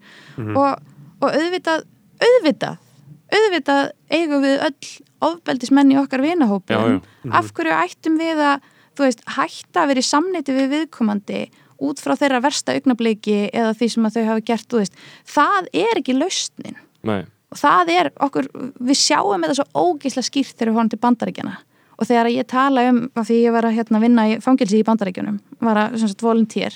Og þegar ég tala um þessa bandarísku karlmenn sem að sitja inni og þú veist samfélagið, þú veist, þegar þið koma út og samfélagið þeim ekki og allt þetta, þá er fólk bara eitthvað, já, þú veist auðvitað, auðvitað eru þessi menn eru þessi menn ekki glæpirni þeirra. Auðvitað eru þeir ekki bara eitthvað nafnorð. Akkurat þú veist, nöðgarar, morðingjar, glæpamenn, þú veist, þeir eru fólk sem að gerði eitthvað og þú veist, þeir bara eru margt annað líka, Já, já, en síðan þegar þetta er nær okkur að þá verður til þetta svona, nei við þurfum að bara útiloka þetta fólk. Já. og það er ekki hægt, það er ekkert uppbyggilegt virkar ekki. Nei, Nei, ég held að það sé einmitt ekki þú veist, umræðan einmitt hún vaknar og stór hluti af henni verður bara þetta, að núna útiloka alla, skilur stór hluti af henni verður þetta og þessi hluti af henni vekur mjög neikvæð viðbröð hjá mjög mörgum, en þess að þeim finnst þetta ekki vera lausnin, mér finnst þetta sjálfum ekki vera lausnin af því ég veit að fullt af fólki sem hefur beitt ofbeldi í allar áttir. Mhm. eh, og maður veit ekki hvort maður hefur sjálfur beitt ofbeldi, þetta er bara allar áttir. Þú veist, 100% og, það er, og, það, 100%. og það eru bara allir í mjög miklum svona reckoning ferli núna, eitthvað að hugsa bara þú veist, hvað hef ég gert og, og, en, en þetta er mitt, þú veist og, og ég veit að þú veist, ég sem kallmaður að stíðinu umræðan og segja, hei ekki þess að skrýmslavæðingu, þú veist það er ekki nöðsynlegt heldur endilega og, og það er líka líklegt Það- til þess að tryggjara fólk frá því bara, eitthvað, hei, þú ert bara að reyna að verja fólk, skilur það getur komið úr svolítið öðusnúri aft sko, það algjörlega. getur komið það, þarna, og þess vegna ger ég það ekki, ég hef ekki frumkæði að stiga fram og segja það sko, en mér, mér- finnst það, það er auðvitað skoðunum mín það er bara, ég meina, jó, það er ofbeldi út með allt og bara ræðum það, allir að ræða það en þú veist, ég sammálaði að þetta svona, mér finnst þetta smá þetta er auðvitað alltaf smá síndamennska þetta, ég ætla að unfollowa hérna um, uh, þann sem beitti ofbeldi. Sendu mér eitthvað svona, þetta er svona smá og hún er hættuleg. Af því að hún sendir eitthvað svona, hún gefur eitthvað lofvörð og síðan uppfyllir ekki það lofvörð og þá ertu líka bara að tryggjara manneskjuna sem að, þú veist, sem Já. að þú ætlaðir upprúlega að vera eitthvað svona eitthvað standa með, sko. Já, þannig að það, þú veist, það hjálpar engum þegar að upp er staðið en ég held að þetta sé, þetta er náttúrulega ógislega flókið. Já, og já. bara vonandi, Og- þú veist, og- og, það er líka og bara, það er engin einhvern veginn ein laust á neinu því að síðan eru þessi mál bara eins Já, já. mörg. Algjörlega. En Og- þetta, og- þetta með að bara hætta nafnorðunum. Já, við tölum ógeðslega mikið um hvernig við þurfum að breyta orðaförðunum í kringum sko á svona á þó, gagvart þólendum já, þú veist, þólendur, er ekki fórnarlömb. Við tölum ekki um fórnarlömb lengur við tölum um þólendur já, já. uh, við tölum ekki um uh, hvað heita, ekki hrelliklám heldur, þú veist, við tölum ekki um hrelliklám við tölum ekki um hvað hefniklám eða eitthvað svo leiði, sko. Og nýja orð og, Já, við tölum um, þú veist, stafrænt ofbeldi, gott, Já. frábært, við Mhm. bara finnum ný orð sem að færir ábyrðin að þangast sem það er, sem eru skýrari, sem eru, þú veist, kannski minna gildisleðin og sama hátt þá þurfum við að hætta að nota orðið nöðgari Mm. Og bara tala um fólk sem nöðgar. Já. Á sama hátt og uh, fólk sem að selur kynlíf vil núna ekki vera kallað vændiskonur margir, veist, eða vændisfólk, það vil vera bara fólk sem selur kynlíf. Já. Og, veist, og ég held að það sé svona eina af þessum leiðum sem, að, veist, sem er hægt að fara til þess að einhvern veginn taka þetta skref í manneskja, þú veist, í lang flestum tilvikum er manneskjan ekki það versta sem hún gerði. Já, já. þú veist, hún, bara, hún gerði það, það var Já, já, aksjón og þá er það eitthvað, þá er eitthvað sem er hægt að stíga tilbaka frá, þú veist, þá er hægt að taka eitthvað svona, þú veist, ég gerði þetta og ég get beðist afsökunar á einhverju sem ég gerði, en ég get ekki beðist afsökunar á einhverju sem ég er og ég, þú veist, ég hlýtað ekki vera þetta og þar með er ég saklaust, þú veist. Já, Einhver- ég skil nákvæmlega þú og ég held að þetta Já. stoppi mjög marga frá því að að því að það er ákall eftir að fólk stýgi fram og aðna, sko, axli ábyrð á gjörðum sínum. 100% en ef að, ef að það felur í sér að vera þá nöðgari að eilifu þá er það líklega mjög svona, hefur það örgulega tölverðan fælingamátt sko. nákvæmlega. Eh, ekki það að ég hafi eitthvað sérstakka samú með nöðgurum að þurfu ekki að eða, þú veist, svo segir maður nöðgari Þeim sem Eh, nauðga. þeim sem nöðga fyrir geðið, þeim sem nöðga geðið fyndið að við séum komin hingað eitthvað. Að tala ekki eftir varlega um það, en ég meina ef, ekki það að ég hafi samúð, eh, eitthvað sérstakka samúð með því en ég meina það er bara allan að skiljanlegt. Ég skil tilfinninguna, að vilja ekki bara, hei, ég er nöðgari hérna, þú veist, miklu frekar að segja bara ég gerði þessi hérna, mistök fyrir einhverjum árum, eða ég braut á þér fyrir gefðu, skilur, þetta kemur ekki nema að þú allan að hafa smá tryggingu fyrir því að þú fáir ennþá að vera inn í samfélaginu. Það er alveg skiljanlegt að enginn stígi skrefið algjörlega, en þegar maður segir líka að þetta sé, þú veist, þetta er eitthvað sem þarf að gerast að þá, er það, þá fer fólk kannski eitthvað svona við sem þólendur, við þurfum ekki, þú veist, og nei það er kannski ekki þið sem þólendur, það er við sem, veist þólendur skulda fólki sem að hefur misnotaða eða nöðgaði eða hvað sem er ekki neitt, Nei. en samfélagið þarf að einhvern veginn bregðast við til þess að gera fólki auðveldara að axla ábyrð að því augnablikinu erum við bara að vinna gegn því sko. Já, já, mér finnst það mjög verð, aðna, gilt sjónamið og, og bara þeir sem eru að hlusta ef þau ert að brjálast út að þessi segi sorry. Það bara, ef það er allt sem ég vil að koma út um munum að vera sorry, þú veist, ég veit að það hata mig það er bara þannig. Uh, En þú veist, ég, ég held að þetta sé líka bara því að við varum að tala um kommentarkjörun á hann sko, þú veist, ég held að bara að á Íslandi sko, þá, sko, þá, þá ristir menningastriði tölvört dýbra ef maður gerir sér grein fyrir sko. þú veist, þetta er tölvört sko, uh, svona uh, við erum að tala um þetta og síðan er bara eitthvað annað fólk hann sem finnst þetta bara mest að kjæfta það sem hafa hérti á æfisinni Alveg bara pottþétt. guðminn almáttur hva, hvernig þetta er ykkur í huga að segja þetta? Mm ég held að svona uh, einhvers konar að, að, bara að menningastriði sé miklu sko starra en maður heldur, ég meina þú allir sem að bara var- fannst þetta flott hjá Reyni Bergmann, skilur, burt sér frá hvað hann sagði og allt þetta, þetta er bara, bara, bara eitthvað gimmick skilur, þetta er bara einhver gaur sem hann bara gerir þetta til að fá aðtikli, skilur en þú veist, allir gaurarnir sem að styðja hann og bara fokka svona djúblega með þessu og finnst þetta bara aðeinslegt, þú veist, þetta er aðeins sko, þetta er aðeins dýbra ef maður heldur sko. Já, sko, og ekki bara að, sko, að fólk algjörlega hinum einn á PC-skalanum myndi hata það sem við erum að segja, heldur líka bara enn lengra á PC-skalanum, það sem að fólk er bara komið, þú veist, sérstaklega yngra fólk 16-17 ára, maður sér það sem þau, þau eru að skjóða á Twitter og hva, hvernig þau nafngreina bara eitthvað fólk og bara Já. segja bara, og maður er bara djúvill þetta reckless, þetta er crazy shit Já. sem er í gangi, það bara þú veist, og bara kaotísk witch hunt ég ætla ekki að segja witch hunt, nei veist, bara kaotísk, kaotísk orka bara miklu kaotískari orka en ég ræð við þú þau veist, þau hafa enga tapa ja, Nei, veist, veist, og, og bara þau fara bara eitthvað að mathöllina Björns Braga og tvíta bara eitthvað já, þetta, við ætlum ekki að vera hér og fara bara að leggja eld basically Já. Mhm. á húsum, skilur og maður, og maður er bara ekki þar lengur. Maður er bara 24 ára, setlaður eitthvað og þau líta á okkur sem bara algjört establishment, skilur, þetta er bara hérna blaðmör á rúf og séðan bara blaðmör á vísi og séðan bara beggi, skilur, þetta er bara eitthvað, já, þetta er bara establishment fólki að tala saman, skilur. Þannig að þetta eru, þetta eru mjög mörg stíg, sko, sem við erum að vinna með og og, og marga výlinu sko, veist, og maður, maður reyfi sér bara innan ákveðin samhengis held ég sko, og maður talar alltaf inn í ég veit ekki hvort að hlustendur veist, ég, ég ímynda mér að flesti hlustendur þess að þetta séu sirka sammála öll sem við erum að segja. Ég get ekki séð að sé eitthvað raunverulega eldtönd þetta þar sem fólk er bara veist, eins og ég þegar að hlusta bara á podcastið hans Gísla Freys Valdorssonar fyrir hann aðstofum hans Hönnubyrnu sem er bara einhver mesti hægri maður á Íslandi. Og ég bara hlusta á allavarpið hans um þjóð, þjóðmál alla þættina, bara einu sem ég hlusta á. Uh, og ég er bara ósamála hverju einasta orði skilur, en ég er samt að hlusta.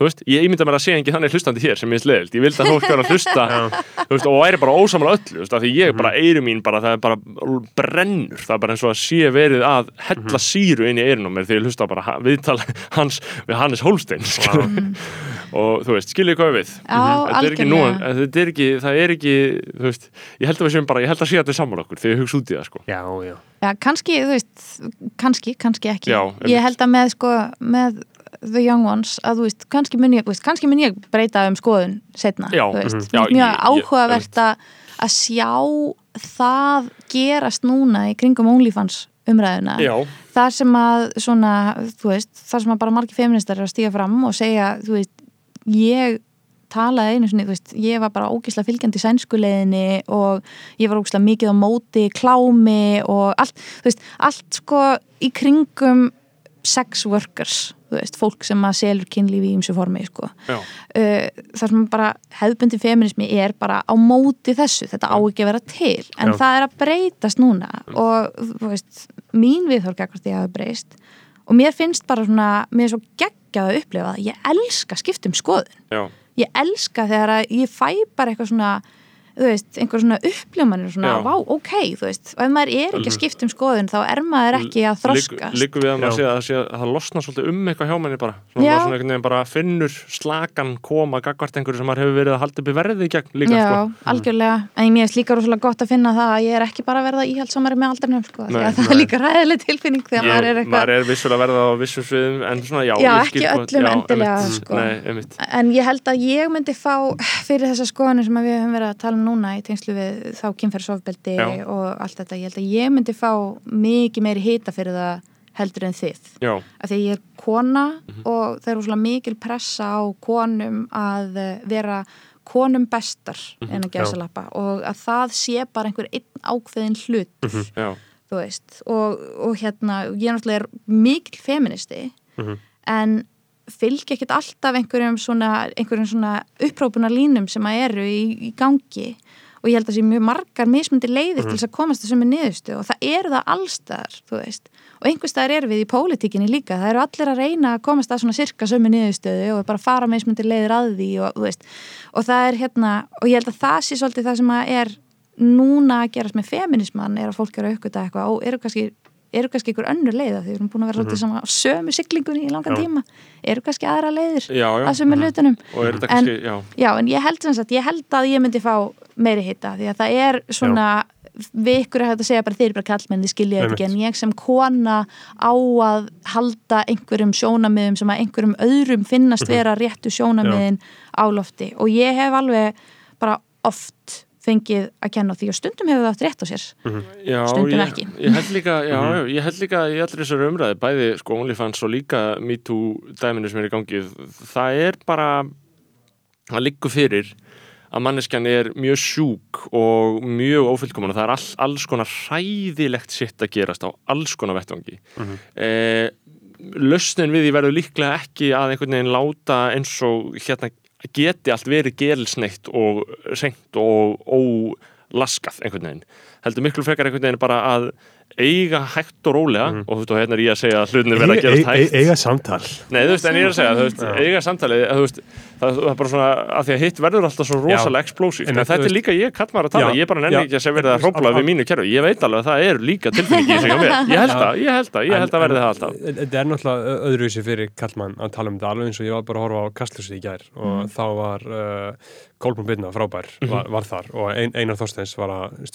að og var að var var, var var að annar kall sál, sál, sálfræðingur var hann Já, Andres Já, Andrés frá já. heimilisfrið Já, og, Já. Hérna, uh, og maður sáði alveg á Einari það var að stjórna þessu svona, og hann svona átti að setja fram einhvern veginn svona, gaggrinni, skilur en va, vissi ég ekkert hvernig hann ætti að fara að því út af Nei. því að þú veist, auðvitað á einhvern veginn að geta gaggrind svona og auðvitað svona, en þú veist, þú vilt samt standa með þessu öllu Mhm. og þú veist, þannig að þetta er, þú veist, þetta er kannski svona sérstaklega flóki fyrir kalla að taka, af því að auðvitað, Já. ei, að því að þú veist, núna er svolítið svona stað mikið þannig að þetta sé á ábyrð kalla að Mhm. svona t- taka þátt í þessu skilur og ég, ég, ég hef reynd að gera það tweetað einhvern svona Twitter að því að þú veist va- vanalega þú veist, það er svolítið leim að vera í svona einhverjum flestum umræðum sem einhver gaur og ákvað bara, nei, ég ætla ekki að vera með þessu Já. skilur þú veist, Mhm. þetta þetta er svolítið þannig Það er auðvelt, það er privileg sko að Já. geta gert það já. Einmitt. Það er það sem ég er að gera.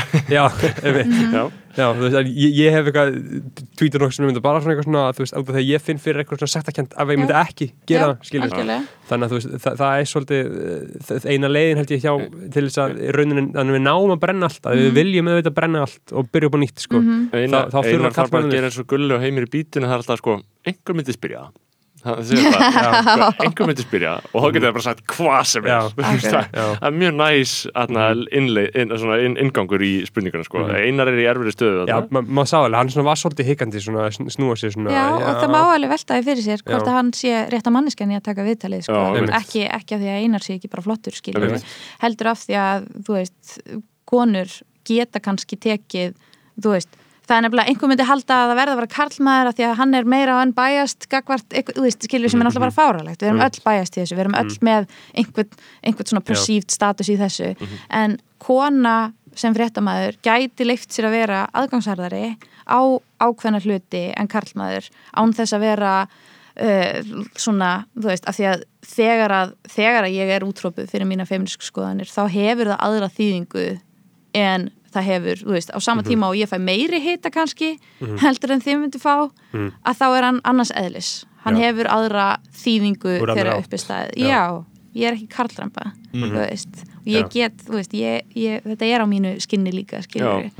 þannig að ég held að það sé stundum þú veist, þetta er bara eitthvað sem að þarf að, veist, sem að við eigum, samræður sem að við eigum reglulega, þú veist, eins og ég og Kristján í lestinni bara hver á að taka þetta viðtal og hvernig á að gera þetta og þú veist hva, hvað er rétt Já. í, þú veist, Já. hvor aðilin er meira viðegandi einhvern veginn í þessu tilviki Já. en ég held að líka þessi pressa til þess að vera með opinbera ábyrð eitthvað svona mea culpa dót hérna út á Twitter eitthvað, þú veist, að það sé líka svona mér finnst það, það geggjað hjá þeim sem er að gera það Já. bara ógíslega, ógíslega falleg skref og æðislegt en þú veist, fyrst og fremst á þetta þú veist, á breytingin ekki eiga sér stað á Twitter. Hún á Nei. ekki að eiga sér stað í einhverjum upprópunum sem eru bara eitthvað svona, ég ætla að taka ábyrgð. Já. hún á eiga sér stað í bara maður ekki taki ábyrgð og eigi samtölin í kannski. persónulega lífinu Já. sko. Já, og ég held að eitt af það mikilvægast að sé að þessi samtali eiga sér stað þar sem að eru engar konur, þú veist. Þar sem að skilur, þú veist snorri ef að þú ert ekki til í að setja eitthvað á Twitter þú getur samt alveg verið í samræðum við félagin og verið að tala um þetta og þegar það er bara eitthvað þú veist, að því að auðvitað er kannski ekki oft gaman fyrir gaura að ræða þessa Nei, hluti. En það er ógeðslega mikilvægt og það þýðir ekki að þau þurfa að setja sniður og eiga En þú veist- það þýðir bara að þetta sé bara svona continuous bak Já, við en- eirað að stoppa eitthvað af og þú veist, bæta einhverju við og alls konar ég er alveg sammála með það því að sko krafan um ofinbera tjáningu er svakaleg, það er eins og allir séu orðin bara ráþæra, þú veist, og það er svona krafa bara, heyrðu, Ég, ég fekk message, ætlar ekki að segja eitthvað? Á, á, á- Instagram. Og ég sagði bara, "Eh, ég er búin að sitja á Twitter. Og Já. sendi screenshot af því og sendi það screenshot sem bara eitthvað í story að því ég fekk message, ætlar ekki að segja eitthvað? Og, og ég, ég, ég, já, og, og, og, ég auðvitað ætla ekki að beigja mig undir eitthvað þannig kjaftaði við fæða en nei, nei, það er alveg þannig að þegar svona umræða hefst þá var ég bara út að borða með vinið mínum örgulega bara í, á föstudaginn bara fyllir ég og bara allt kvöldið fór bara að tala um bara okkur í þessu samingi vin okkar í þessu samingi, hvernig við höfum bröðust við hvernig við eigum að bröðast við, hvað þessu umræða þýðir veist, og þetta gerist bara náttúrulega Já. óhjákvæmilega veist, og En, við bara það, en ger, það gerist ekki óhjákvæmulega Nei. það gerist ekki óhjákvæmulega það er ákvörðun, það er meðvitund það er eitthvað sem er komið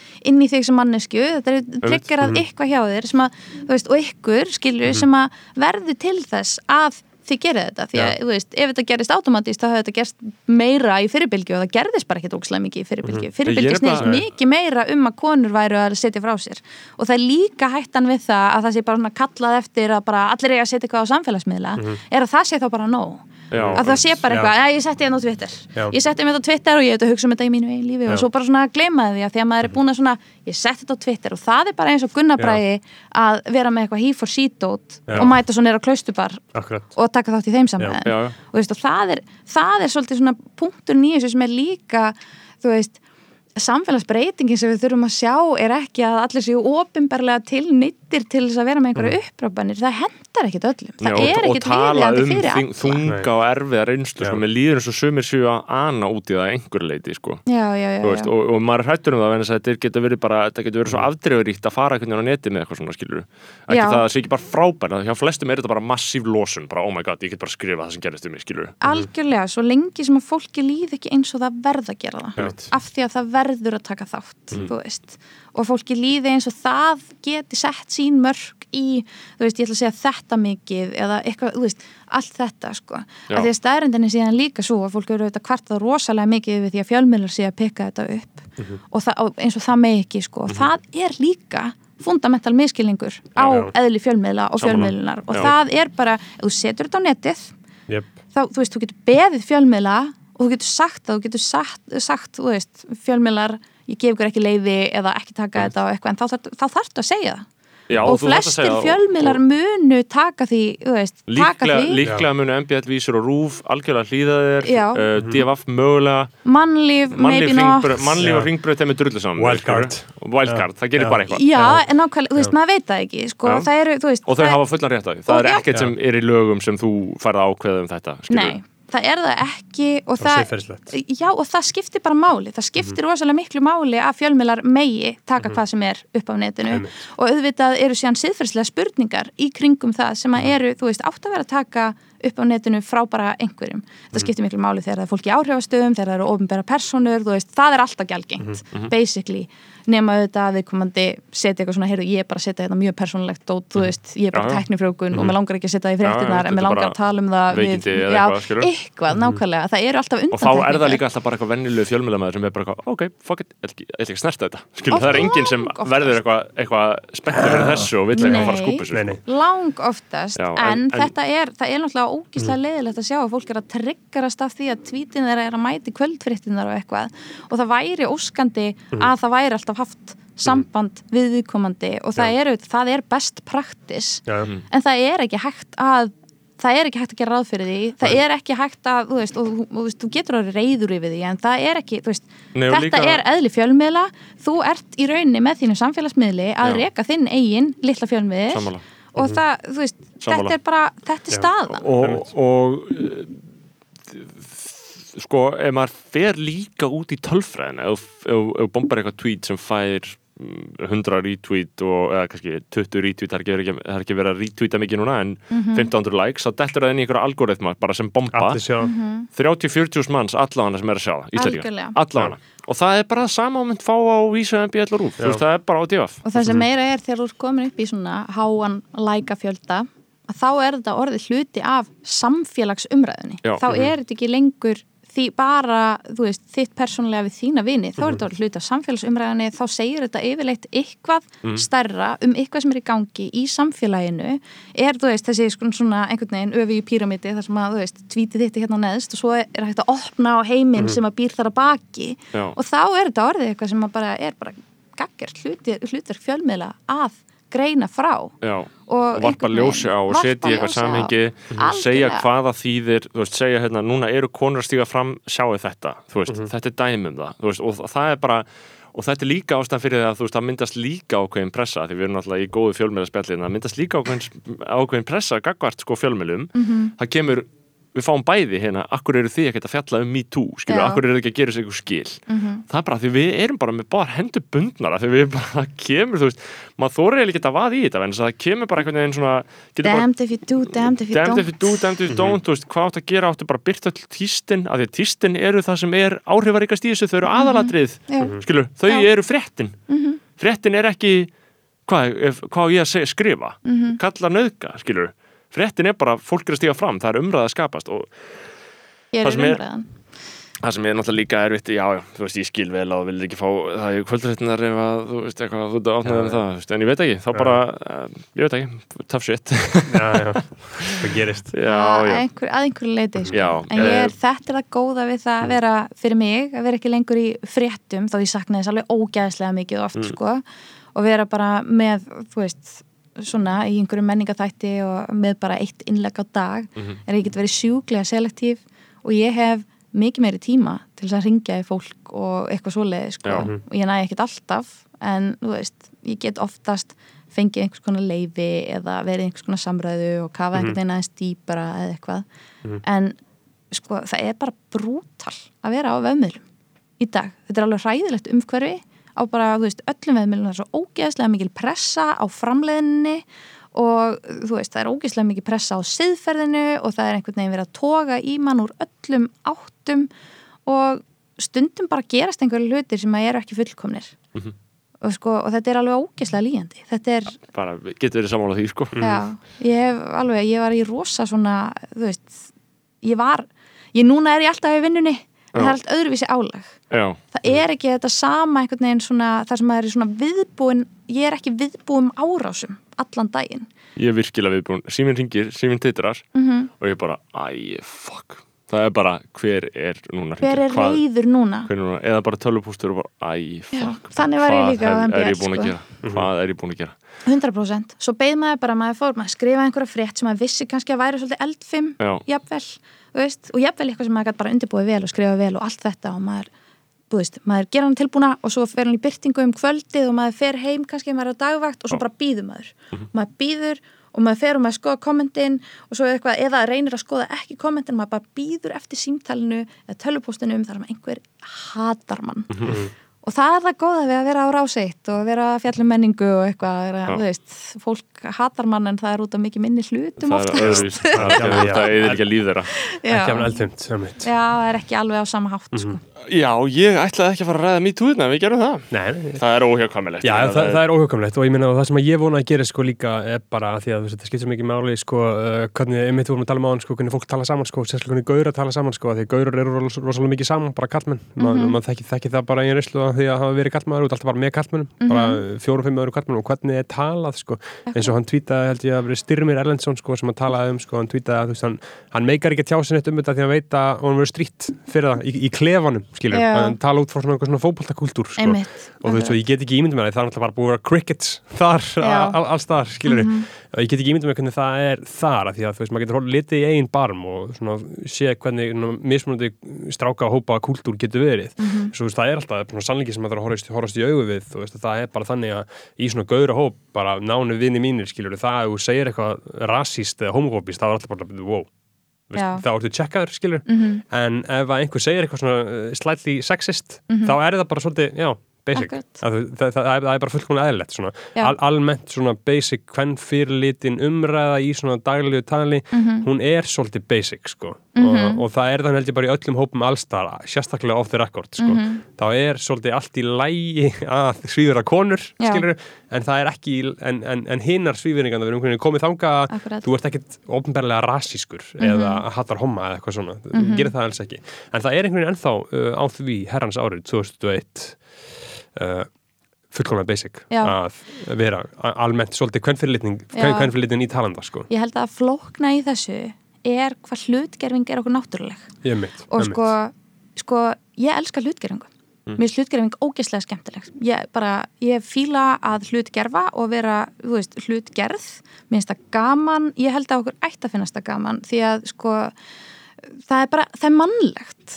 Við erum, þú veist, við erum bara lang flest einhvers konar kynverður með líkama og það bara er fallegu hlutur. Munurinn er bara hvernig hlutgerfum við þú veist, og það held ég að sé samtala því núna erum við í einhver svona samtali sem er bara bannað að hlutgerfa og kannski á ekki að vera bannað að hlutgerfa því að það er bara, það er ekki hægt. Við þurfum að tala um hvernig við hlutgerfum og að því að ég held að sko orðræðan inn í hópum karlmanna og bara í samfélaginu almennt þú veist, það er ekki, það er ekki virðing í því það er ekki eitthvað svona þú veist, þú veist og það ymmett hallar meira í hináttina sko. og svo náttúrulega staða stund fyrir hlutgerfingu þú veist og það er bara að þú ert að hlutgerfa einhvern sko, to their face eða í stórum hóp og kannski á þá að vera til staðar eitthvað samþyggi það er ekkert einfalt svar við þessu. En hva, hva, hvernig myndu við skilgreina bara það, þá, þá aðgerð, að hlut gera einhvern? Það er náttúrulega svolítið erfitt að skilgrina sko, en þú veist, og líka því að ég held að orðið að gildislega og fólk heldur að það sé bara að gera þig að hlut, skilur, það að þú sért. en þú veist ég held að það sé eigi líka við um bara að ég appreciate hulstrið þitt, skilur Já, og hulstrið er líka hluti af okkur. Mér finnst uh, svona ó, þú veist, það er útrúlega svona háflegt og fallegt að hugsa um sjálfið sem bara einhvers konar sál og haus og eitthvað skilru en þú veist, auðvitað er líka minn hluti af mér for better and for worse. Og það að reyna að uh, þú veist, aðskilja það að það einhvern veginn uh, þú veist, mér finnst það draga úr mínum krafti. Já, alveg eins og þú veist, mér finnst það bara við eigum að hlutgerfa sko, þú veist þetta, þetta er að hlutgerfa, er að einhver leita að segja bara, þú veist, það er þetta með að finnast einhver sexy og segja það sko, finnast einhver glæsilegur og segja það. Og og það er, ég er ekki með lausn á því hvernig við eigum að segja það og í hvaða, þú veist, í hvaða tilvikum og hvað, en ég meina eitt af því sem að er akkurat mjög flókið núna er til dæmis ef við horfum á bara, sko einhver svona, eins og, eins og bara Nicki Minaj og, og hérna þessar konur með stóra rasa Cardi B skilur sem að eru að flonta þeim í sínum innböndum að það er, ég meina já, það er bara bullandi verið að selja kynlífið og kapitalismi og allt þetta uh, en þetta eru konur sem er að, þú veist, þær eru að setja líkama sinn í þessar stellingar, í þessar aðstæður líka af því að þær eru stoltar af honum. Og það einhvern veginn það að Beyoncé sé drottning það snýst ekkit minna um líkamann á henni sko. það snýst bara helling um líkamann á henni og hvað hún er glæsileg og hvað hann ber sig ógeðslega flott og hvað það er drullu sexy. Og, og ég held að einhvern veginn sko með því að finna svona fyrir okkur áfram í þessum leiðum þar sem að við getum þú veist, talað fallega um útlít hvers annars. Og það á ekki að vera eitthvað svona djöð langar með að setja í þessa eða umlíkja þennan eða hvað. já, já, já. eitthvað, þú veist, það er einhver millivegur þarna sem að er Það er hægt að gera þetta af virðingu vegna þess að það, það er okkur e, bara eðlislægt að horfa á einhvern og bara jæja, eitthvað, þú veist maður gæti riðið þessum. En fótboltakúltúrin, klefin já, hann er bara, Hann er var á hægt að öðrum setja í- stað, það var hægt að setja í þetta, skilur já, eh, og, og alls konar leiðið lára það.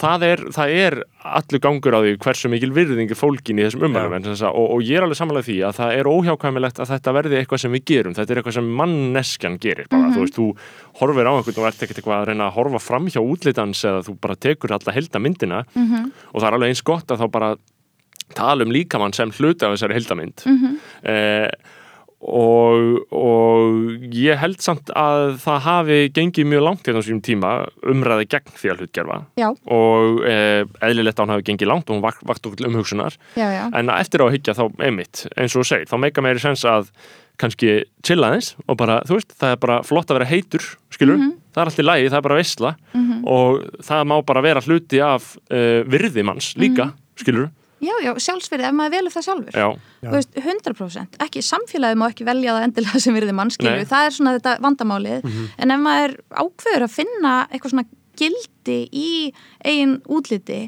þá þarf ekki að vera slæmt. Nei, ég held að þetta sem segja með sko þetta hlutgerfingin, þú veist, hún var bara alveg átt, þetta er náttúrulega þetta er alltaf þú veist, samfélagið var í því að konur voru bara líkamarðina Já. og ekkert annað og þá swingar pendullin alla leiðina yfir í konur eru bara ekki líkamar sínir akkurat.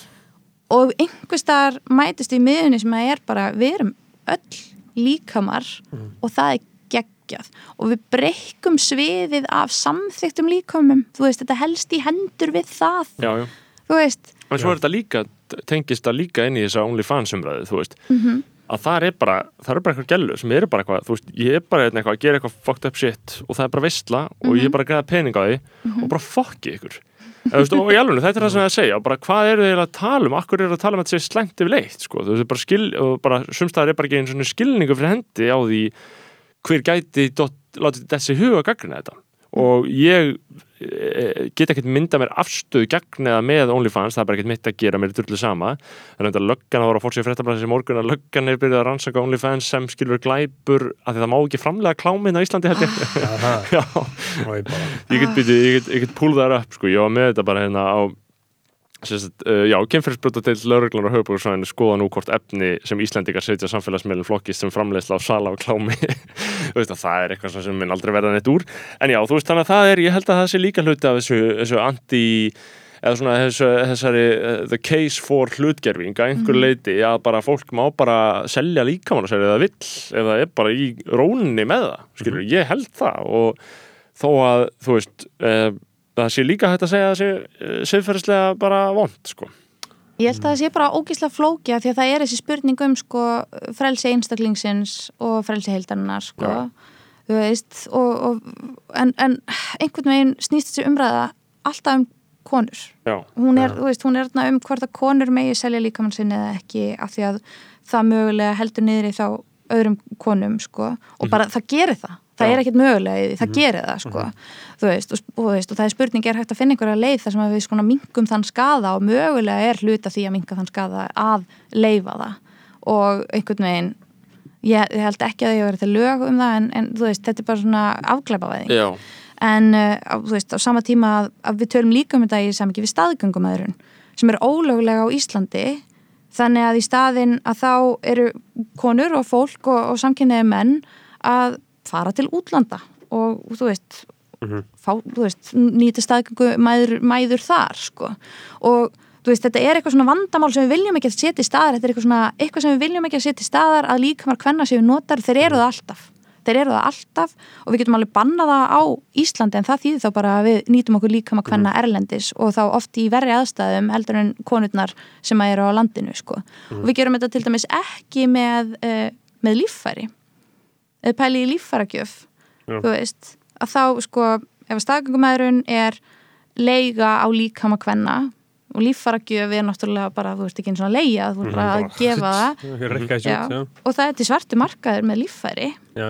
Og það er bara, það er hægt að misnúta þetta og það er Mhm. hægt að uh, líka einhvern veginn að, að kúa eða, þú veist fá, láta frændaðin fá það mikið samviskubita, hann bara eitthvað, ok, ég ætla að gefa þið nýrað mitt, skilju, auðvitað ekki- er það hægt. Já, ætli við gætum ekki verið að tala um mest fucked up fyrirbæri í heiminum sem væri þá svarti markarum í líffæri þú veist, Já. þessi ekki bara mest fucked up fyrirbæri í heimi. Og svona, ekki að það sé óeðlegt það og svarti markaður með, þú veist, börn og, Já, og konur og já, eitthvað, sko. já. en ég held Já. að þetta sé svona, þú veist, við horfum, við horfum samt á það sem fullkomlega eðlega hluta við megum gefa nýra en, en við megum ekki þú veist, Mhm. ég má ekki þú veist, veit einhverjum aðgang að, að leiðin í mér Já, akkurat og ég má ekki, þú veist selja, ég má ekki selja af mér einhverjar myndir að ríða einhverjum Já, akkurat. þú veist, og það er svona, það, við hljótum að velta þessu fyrir okkur, ég hef ekkert svari við því hvað sé rétt eða Nei. hvað ekki, sko, ég hef engar ég sem uh, starfsmæður ríkisútvarsins hef engar skoðanir. skoðanir á umdildum málum, þú á á umdildum málum, Já. nei, akkurat. En, mm. en þú veist ef að ég hef einhverja skoðun þá er það bara við þurfum að við þurfum að ræða frelsið alltaf, þú veist, við þurfum alltaf að vera að tala um eðli frelsisins og hvernig sko, þú veist hvernig frelsi eins hefur áhrif á annan og veist, endur með þetta var, er þetta eitthvað sem við erum að gera til þess að vernda eða er það út af, veist, einhverju svona siðgæði? Þú veist, er þetta sem við erum að gera til þess að vernda eitthvað sem raunverulega verndar eða ymmit kannski setur fólki í einhvers konar meiri hættu Já, þetta er bara alveg eins og þú veist svolítið ótengt umræðin en það kompás þátturinn en það kopaganda þátturinn á stöð 2 núna sem þau voru að tala við fíknó og það sem að var bara verið að hamra á því að skipulögð glæpastarfsemi er hættulegast á ógn við samfélagið. Þetta er bara það hættulegasta sem að getur komið og þetta er komið til Íslands. En það var ekki að hugsa í lausnum, eða, þú veist, það var enga lausnir. Það var engin löglýðing, það var engin uppræting, þetta var bara löggar það meiri pening Já, gefur leikurinn meiri pening mm Mhm. þetta var bara svolítið það, og, þú veist, og það, það, þetta er einmitt einstæmi sko, þú veist, hvað á að banna og hvað ekki að banna og na, hver eru lausninar sko, Já, langtíma og, lausninar og hver mér finnst það líka bara einmitt, mjög öðna, góð punktur að þetta er þú veist, með öll bönn erum við að banna þetta því að þetta er óþægt Já. við viljum ekki sjá þetta eða erum við að banna þetta til þess að því að það þjónar raunverulega því Já, hlut af ekki því að- að verja þann hóp sem við viljum verja Já. akkurat. Já, það er mjög áhugaverð umræða núna Já. með vændi Já. eða með, sem sagt, sölu á kynlífi Mhm. að uh, sko sænska liðin var einhvern veginn hugsuð þannig að það ætti að vernda uh, vernda fólkið sem að selur kynlífið en síðan þegar upp í staðið þá eru bara ákveðni gallar á því því að sko, þú veist og, er að leiða einhver staðar. Og bara ef að leigusalinn sko, verður uppvísa því að hann sé að leiða einhverjum sem er, veist, þá er hann að hagnast á vændi, Já, kynlífsölu Já. og þar með er hann í rauninni komin í einhver svona ákveðna stöðu sem bara segir að hann sé pimp skilur, sem að þýðir þá að þetta fólk sem að selja vændi á í engin húsa að vernda og þarf að lifa huldulífi og getur ekki leita til lauruglunar, þau get ekki treyst því að þá verði leigusalunum ekki tilkynnt um. Og þú veist allt þetta sem að svona er eitthvað svona flækjustig sem að ég held að fólk sem að myndi vel sá kannski ekki fyrir. Já, og er bara nöðsilegt að horfa á og skoða og bara erum við að hjálpa? Veist, þetta fólk er í þessari stöðu. Hvort við viljum að þau séu í þessari stöðu eða ekki. Hvort þau eru þar af 100% algjörlega fullum vilja eða í einhverju neyð.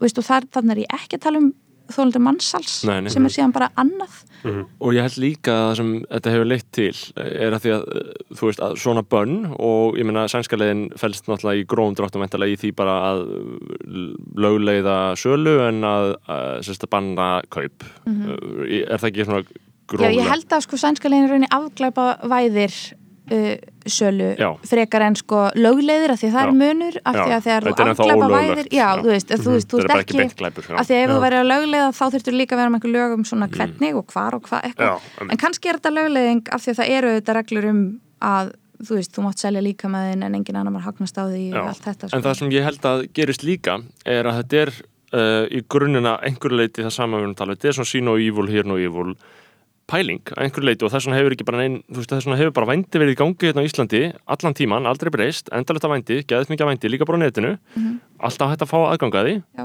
það hefur ekki breyst og það eru konur sem eru í ömulegum aðstæðum út af því, það hefur ekki breyst. Uh, við, kannski hefur það minkað, ég veit ekki, ég þekki tölfræðina, en það hefur ekki breyst, það er ennþá í gangi. En umræðin er bara ekki neinn. Umræðin hefur bara verið síðustu ára eins og það sé ekki vændi á Íslandi. Þú veist, það er bara svolítið tala bara, já, þetta er ekki hér. Það má Skilur. ekki tala um þetta í fjölmiðlum því að það getur gefið til kynna að það sé hægt að leiti eitthvað og það sé, þú veist, þetta er svolítið svona, svo við erum komin í svona ring þarna yfir í þetta sem er bara hvað meiga já. fjölmiðlar tala um. og þú veist, þau megi ekki tala um einhverju svona innan gæðsalapa ósiðlega hluti því að það getur leitt til einhver síðrófs í samfélaginu og eitthvað. Þegar er bara síðrófið er alveg að eiga sér stað. Já, þetta er bara svo, er sko. svo slökkulið, slökkulið uh, þegar sínubruni þá, þú veist, ringir bara í slökkulið og bara hvað er að gerast? Nei, þetta er ekki neik, þetta er ekkit, þá er þetta kannski bara hjút sínubruni, þið vilja bara ekki segja að þið vilja ekki að, að allir fara að kveika sínubruna, Mhm. þú veist, Hvað er sínubrunni? það er bara þegar það kviknar í þurru grasi, skilur. Uh, og þau eru svo, þú veist, það er alltaf við viljum ekki að fara í því Nei. þá fer fólk og gerir þetta, þetta er saman með graff. Þú mátt ekki segja að það sé graff einhvers staðar og Mhm. löggan Því þá segir alltaf neitt um graff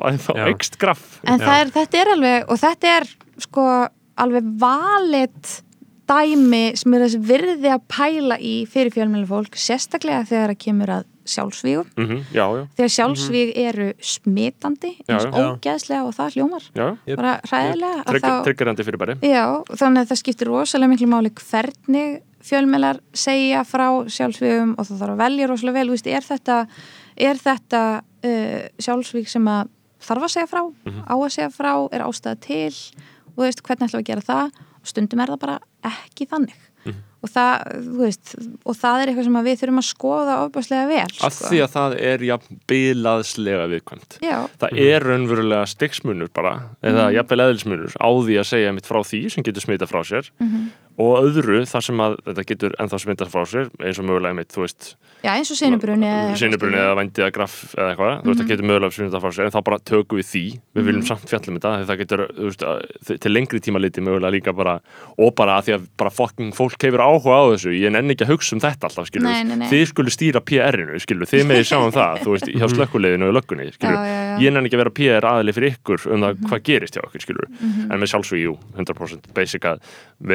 fyrir það hvað gerist hjá okkur, skilur, Mhm. en með sjálfsvíð, jú 100% basic að vera ekki að smetla upp í fyrir bara þessi draf sig, skilur, fyrir Nei. bara Já, og hann gerði það svona og líka að því að þú veist sá sem vill koma staði hvernig einhver dó getur það yfirleitt, þú Já. veist það er svona einhverju upplýsingar að því, þú veist, ég sem fréttamaður vill, ég vil bara veita upplýsingarna sem fólk vill fá. Mm.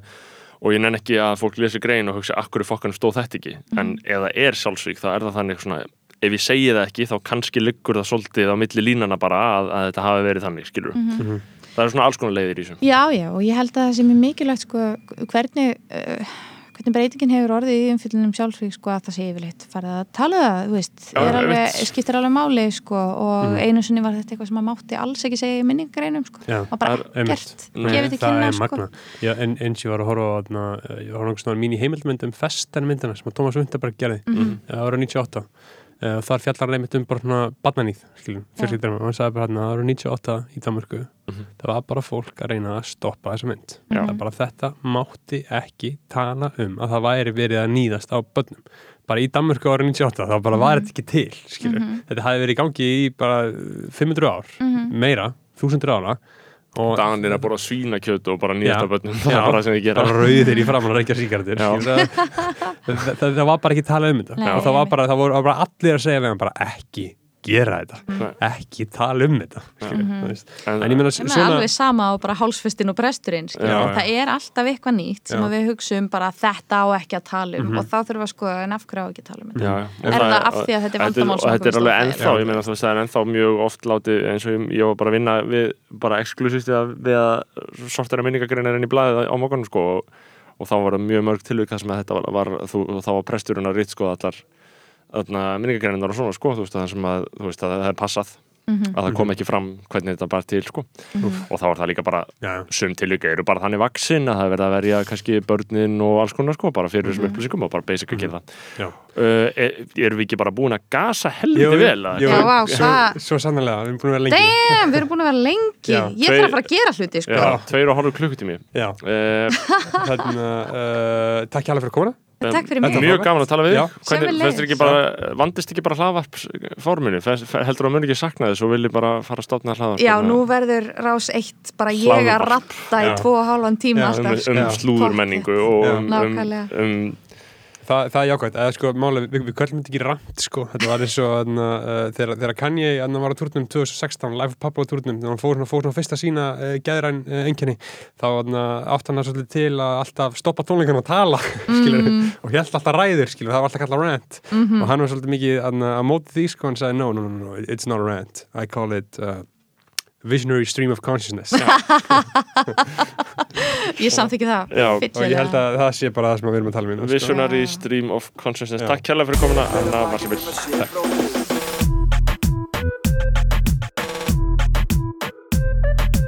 Fyrir hver að bakið um að sé bróðir eigi